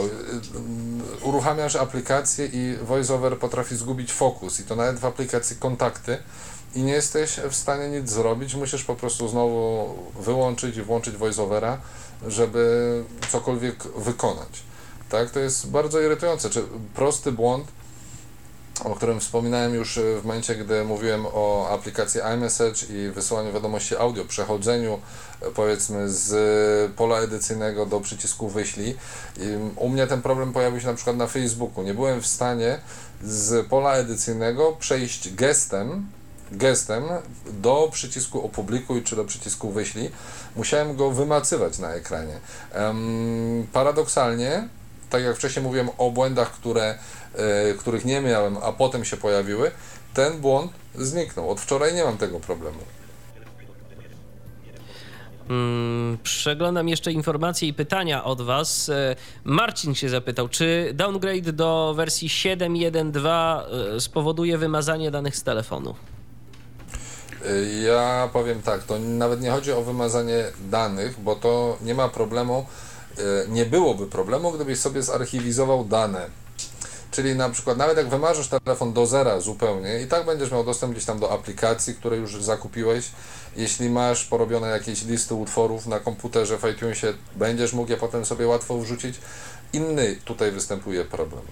E, ja przez to przechodziłem w momencie, gdy moja małżonka poddała się, nie chciała już korzystać z nowego systemu i zażyczyła sobie, żebym wrócił jej iPada, przywrócił mu stary system iOS 7.1.2.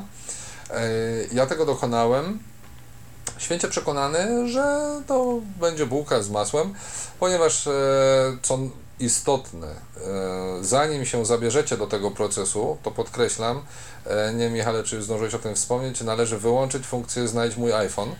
Tak, bo w przeciwnym wypadku po prostu tego nie zrobimy. Tak jest, to jest podstawowa rzecz. Zanim się zabierzecie do przywracania systemu, wyłączacie z poziomu urządzenia funkcję znajdź mój iPhone i co dalej? Dalej, tak jak tutaj wcześniej mówiliśmy, pobieramy sobie odpowiedni y, plik oprogramowania. Mm, w iTunesie na drzewku urządzeń wybieramy to nasze urządzenie, zakładkę podsumowanie. Tam przycisk, e, jak to było Michale, przywróć?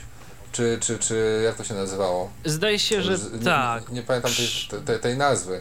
Też nie pamiętam. W każdym razie chyba, chyba właśnie przywróć. Nazwa w każdym razie jednoznaczna.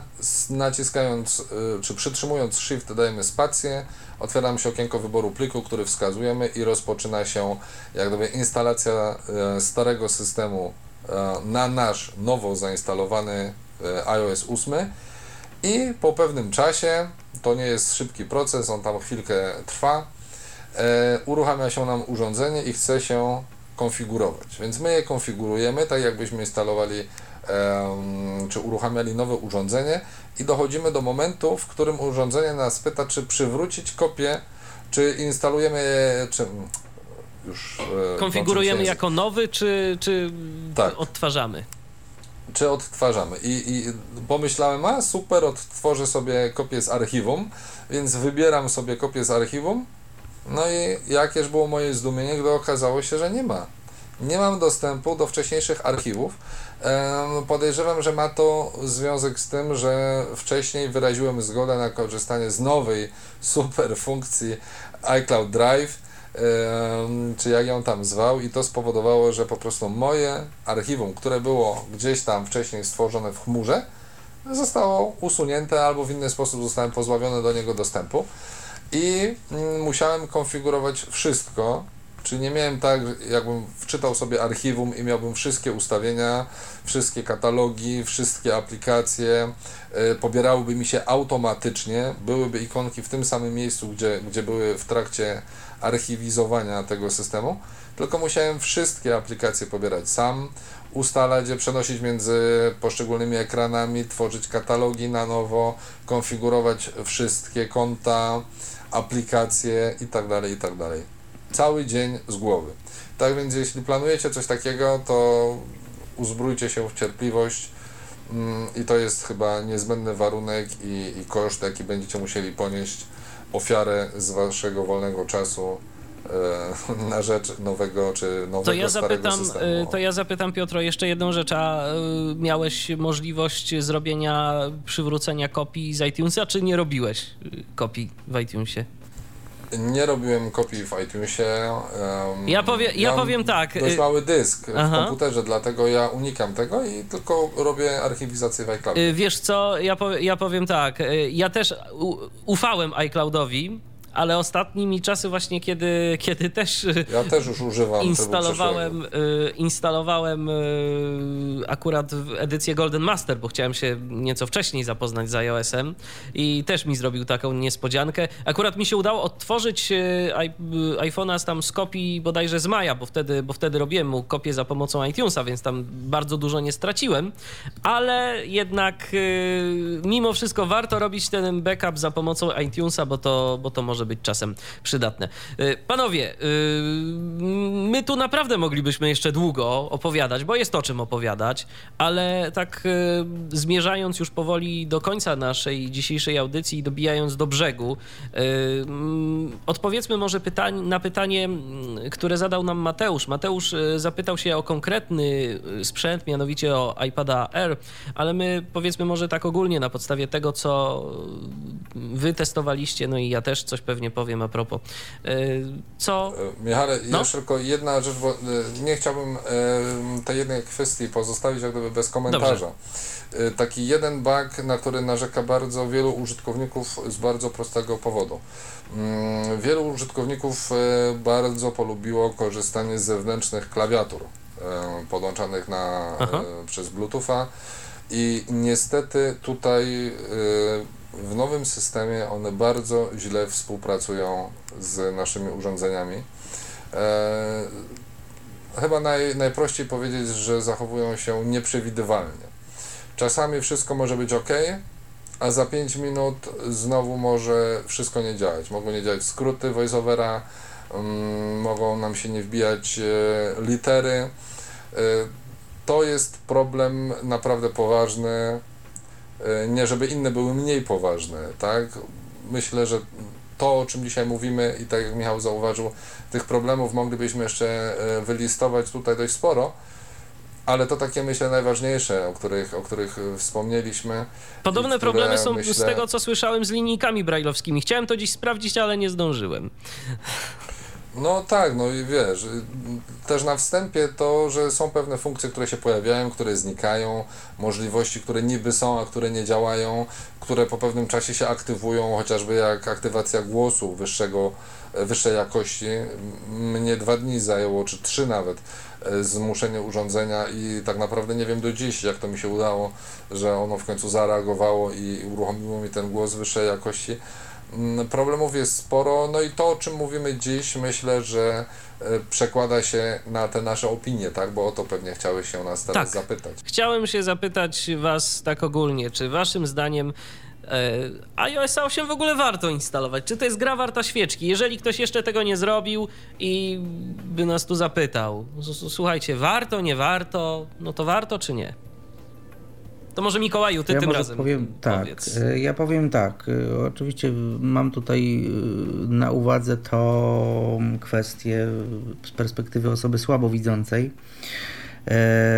Ja zaktualizowałem i iPada, potem też iPhone'a swojego jeszcze leciwego 4, 4S. I powiem tak, z perspektywy osoby słabowidzącej nie żałuję, Mm, głównie za sprawą tych rewolucji w powiększeniu, tak? E, te błędy, o których, ja, których ja przede wszystkim doświadczam, głównie ta obracona klawiatura w niektórych miejscach, tak? To, to da się to przeżyć, tak? Natomiast e, powiem tak, e, mówię, z perspektywy osoby słabowidzącej te dodatkowe właśnie funkcje i rozwinięcie możliwości powiększenia jak również to, że o tym jeszcze nie mówiłem, ale warto też powiedzieć, że y, aplikacje nie tylko Apple'owe mogą również w tej chwili dziedziczyć ustawienia y, rozmiaru tekstu. Tak? Jeżeli ustawimy y, powiększony tekst, to te aplikacje, które mm, mają to zaimplementowane, na przykład aplikacja Facebook Messenger, czy w ogóle Facebook w niektórych miejscach, tak? ma też czcionkę powiększoną za sprawą tego, że zmieniliśmy ją po prostu w ustawieniach systemowych. Te kwestie na pewno są dla mnie dużym plusem. Na iPhone'ie to samo y, wcześniej y, miałem problemy z dojrzeniem, powiedzmy, w szczegółach danego kontaktu mm, numeru telefonu. On był cały czas standardową czcionką pisany. W tej chwili ta czcionka też ulega powiększeniu. No jest sporo takich plusów. Y, dodatkowe kwestie takie pozadostępnościowe, no chociażby, chociażby te nowe funkcje, o których myśmy, o których myśmy też wspominali. To na pewno skłania do jednak do, do zainstalowania tego, natomiast no, trzeba mieć na uwadze te kwestie, głównie w przypadku też starszych urządzeń. Tak jak tutaj były też y, sygnały mm, od y, słuchaczy, którzy dzwonili w przypadku iPhone'a właśnie 4S, problemy z voiceoverem, no, które trzeba niestety tutaj potwierdzić. To jest w tej chwili najsłabszy telefon obsługujący jeszcze tą y, obsługujący jeszcze tą ósemkę.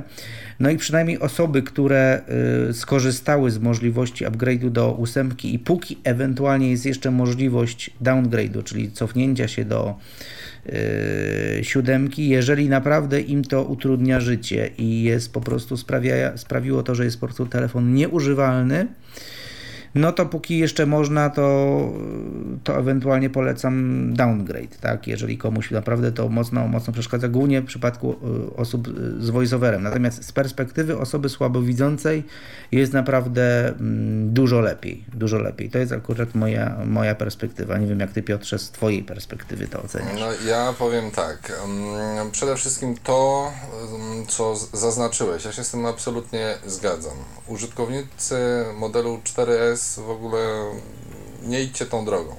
E, to nie jest e, na razie rozwiązanie, ten system nie jest dopracowany. To będzie tak pewnie jak mm, było wcześniej z systemem iOS 7, że on na początku bardzo mocno spowolnił telefony, później one już były rzeźkie i, i raźno pracowały. Myślę, że z tym systemem będzie pono, podobnie, więc póki co. Mm, jeśli jeszcze tego nie zrobiliście, to tego nie róbcie, bo po prostu szkoda waszych e, nerwów. Um, jeśli chodzi o użytkowników y, nowych urządzeń, ja powiem y, w ten sposób. Um, jeśli jesteście zwykłymi użytkownikami, którzy chcą posiadać urządzenie, które działa w sposób przewidywalny, dla mnie to była największa zaleta systemu iOS, że ten system był przewidywalny, on mnie nie zaskakiwał.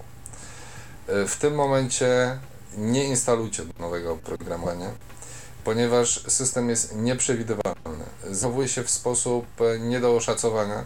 Mm, nie wiemy jak, e, jeśli sekundę wcześniej coś nam się udało wykonać, nie wiemy czy z voiceoverem, mówię z perspektywy osoby niewidzącej, że za minutę, sekundę, czy, czy tych minut 10, czy uda nam się powtórzyć tą samą operację.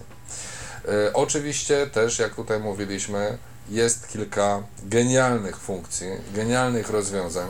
Właśnie to pisanie braillem, czy chociażby dyktowanie. Są to funkcje, które działają naprawdę super, ale słuchajcie, jeśli będziecie wybierać numer do kogoś i telefon zacznie wam piszczeć i nagle trzeba go restartować, a wy jesteście gdzieś na ulicy, naprawdę to jest mało komfortowe, mało sympatyczne i ja osobiście wam odradzam, jeśli nie macie drugiego urządzenia, którym moglibyście się posiłkować w tym momencie, niekoniecznie, niekoniecznie iPhone'em, tak? Ja akurat mam taki komfort, że mogę korzystać z dwóch telefonów, e, więc spokojnie mogłem zaryzykować i nawet jak mi e, iPhone wywinie taki numer jak e, dzisiaj Michałowi, no to nie ma paniki, bo spokojnie mogę jeszcze skorzystać z drugiego numeru i jakoś tam gdzieś zadzwonić. Ja generalnie, póki nie będzie poprawek, odradzam i zachęcam do powrotu, póki można, póki jest czas, bo przypomnę osobom, które nie mają takiej świadomości, um, ostatnim razem, jeśli dobrze pamiętam, to chyba dokładnie 3 dni można było tylko mm, wracać do starego systemu. W tym momencie mamy już ponad tydzień, jak ten, czy dokładnie tydzień, tak? Dokładnie tydzień mamy, jak e, nowy system jest na rynku. I póki co e, jest możliwość powrotu do starego systemu, nie męczcie się. Wróćcie sobie do starego systemu, a jeśli dotrą do Was głosy, na przykład z Tyflo Podcastu, że nowy system, nowe poprawki e, wnoszą dużo i że system odzyskał swoją po prostu e, sprawność, to wtedy będziecie mieli zawsze możliwość przejścia na ten nowy system. A na razie ja, przynajmniej tak jak znam wiele osób, sposób ich użytkowania telefonu mm, odradzam, bo uważam, że nie warto. To teraz ja e, dorzucę swoje trzy grosze do kwestii. E, jeszcze do dziś, do godziny 16 powiedziałbym, że spokojnie myślę, że mm, ten, mm, ta ilość plusów, która, mm, którą wnosi nowy iOS, jest y, zdecydowanie przeważająca nad tymi jakimiś tam niedogodnościami, że nam się coś zamknie, że coś nam po prostu przestanie działać. No, Okej, okay, zresetuje się mm, gdzieś tam i, i, można pracować z tym dalej. Ja jestem użytkownikiem, który pracuje y, z różnymi komputerami i może dlatego mam taką cierpliwość do tego. Nie jest to dla mnie jakieś tak bardzo irytujące. Natomiast powiem tak, to, co stało się dziś, yy, sprawiło, że ja po prostu do nowego iOS-a najzwyczajniej w świecie straciłem zaufanie.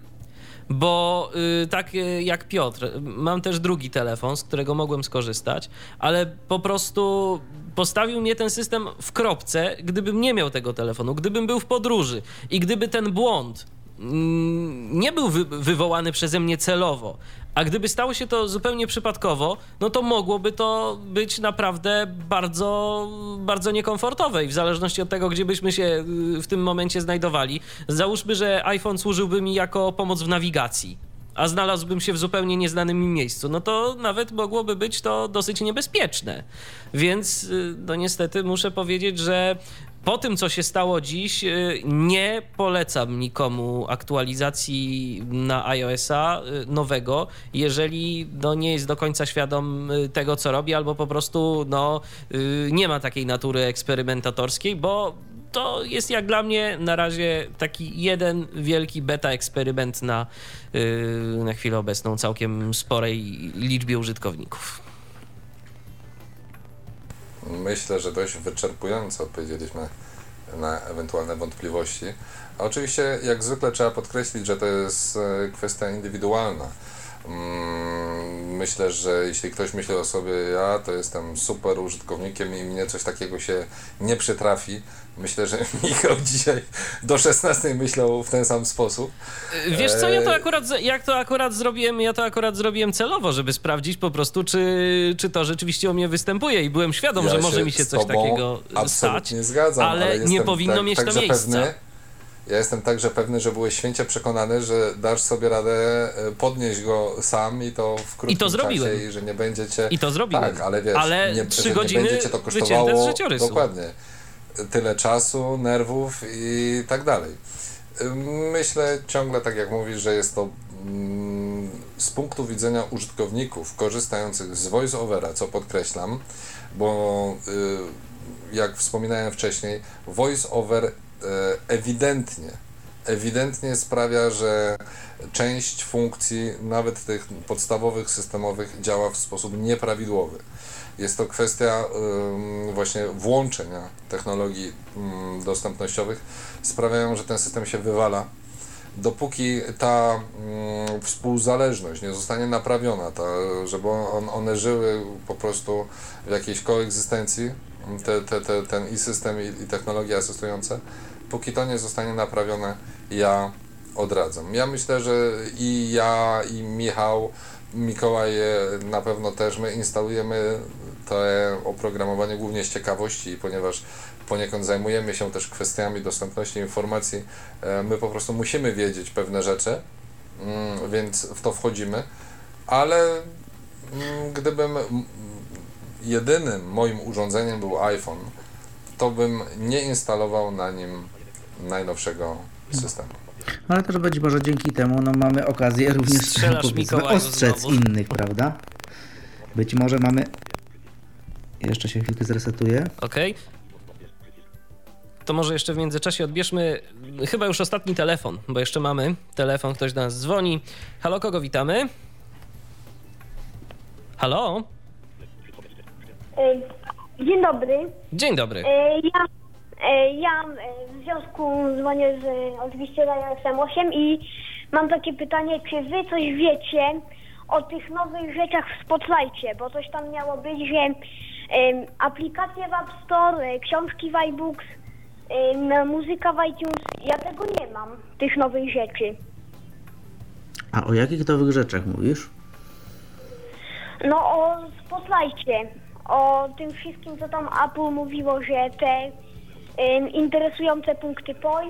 E, te e, aplikacje z App Store można było w Spotlightie wysłuchiwać tę muzykę z iTunes i e, z iBook, jakieś ważne wiadomości. Szereg takich funkcji nowych w Spotlightie mm. miało być. Że między innymi w Wikipedii można było szukać chyba, tak? Tak, tak, to. Czy czasami nie mylisz Spotlighta w tym momencie iOS-owego z e, tym, który jest w najnowszej, albo ma być właściwie docelowo w najnowszej wersji e, macOS-a, czyli w macOS Yosemite? Na, to... stronie, na stronie Apple było, że w iOSie. Hmm. Ja szczerze mówiąc Trudno też coś się... o tym słyszałem, ale jakoś niespecjalnie przywiązywałem do tego wagę, szczerze mówiąc, żeby to sprawdzić. I... No ja bardziej kojarzę to z macOSa, więc... Mi też się kojarzy ta Wikipedia mm, z, ze Spotlightem, że, że miała być możliwość wyszukiwania w Wikipedii, ale ja szczerze mówiąc nie sprawdzałem. No i Póki jeszcze jedno nie... pytanie.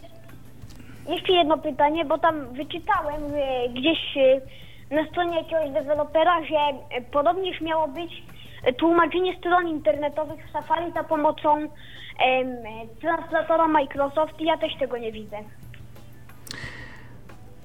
Y, to dopiero pewnie się ewentualnie może pojawić, bo może odnosisz się też do kwestii takich, o których myśmy też nie powiedzieli. No, wiadomo, że tutaj audycja by musiała długo trwać, Natomiast to też jest funkcjonalność iOS 8, która przypuszczam dopiero będzie się pojawiać stopniowo w kolejnych aplikacjach, mianowicie aplikacje między sobą będą mogły wymieniać się informacjami, tak? E, czyli Safari będzie mogła korzystać z aplikacji innych, tak? Tam, tam akurat y, była taka kwestia poruszana jeszcze w czerwcu, mm, mianowicie y, gdzie było demo, y, w której właśnie Safari korzystało z funkcjonalności aplikacji bodajże translatora Bing, y, aby móc przetłumaczyć, y, przetłumaczyć daną stronę. I to po prostu było wykorzystanie dwóch aplikacji jednocześnie zainstalowanych na systemie i one między sobą mogły korzystać z tych opcji. Na tą chwilę nie zaobserwowałem jeszcze takich aplikacji, które by w tej chwili korzystały wzajemnie z jakichś tam swoich funkcjonalności. Natomiast to jest pewna możliwość, która w iOSie 8 no, ponoć ta będzie. aplikacja One Pass, tak? Ma taką, One Password. Tak, ma taką, ma taką funkcję. Można ją było nawet za darmo dostać, ale zainstalowałem, nie bawiłem się. Jeszcze, szczerze mówiąc. Ale panowie, to jest jeszcze kwestia, może tu nie wiem, czy też się nie y, pomieszały dwa wątki, mm, ale po kolei. Y, Spotlight, y, Apple, znaczy iPad mini, Ala Makota, szukaj w internecie, szukaj w Wikipedii. Ta funkcja jest. Aha, Przynajmniej no jeśli mowa o Wikipedii. No to wygląda tak? na to, że rzeczywiście... Pozostałe rzeczy, mhm. myślę, że coś może być na zasadzie Tam też można, y, pamiętaj... iBooksa, mhm. ponieważ iBooks też został y, bardzo mocno zaktualizowany, tak? Tak.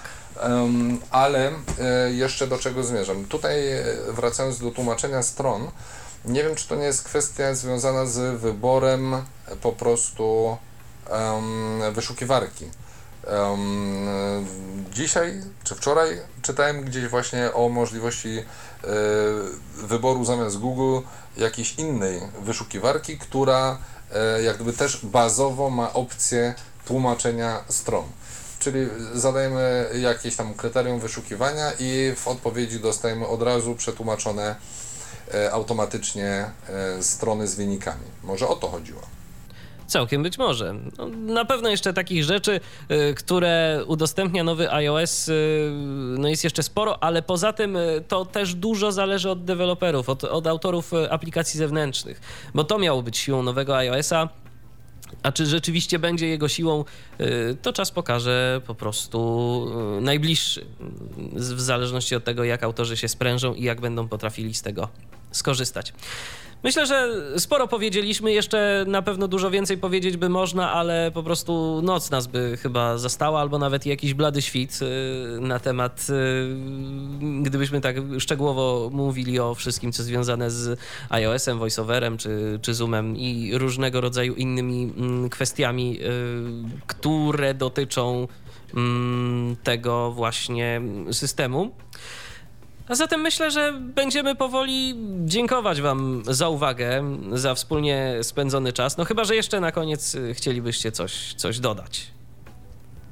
To ja tylko życzymy sobie mniej błędów. Oczywiście, zdecydowanie mniej błędów. I mam nadzieję, że e, poprawki będą wprowadzane równie szybko, tak, jak teraz się pojawił ten system 01, czy jak już Mikołaj mówi, Apple reaguje wprowadzając e, system 02. E, e, pomimo, że przypomina to nieco chaotyczne ruchy Apple, mm, jest to dobry znak, że myślę w miarę szybko ten system zostanie naprawiony i wtedy z czystym sumieniem będziemy mogli Wam powiedzieć OK, instalujcie, teraz działa to fajnie i mam nadzieję, że to będzie prędzej niż później i jeszcze zanim pojawi się Yosemite, zanim będziemy mogli się e, bawić różnymi nowymi funkcjami e, wynikającymi jak gdyby z połączenia tych dwóch systemów.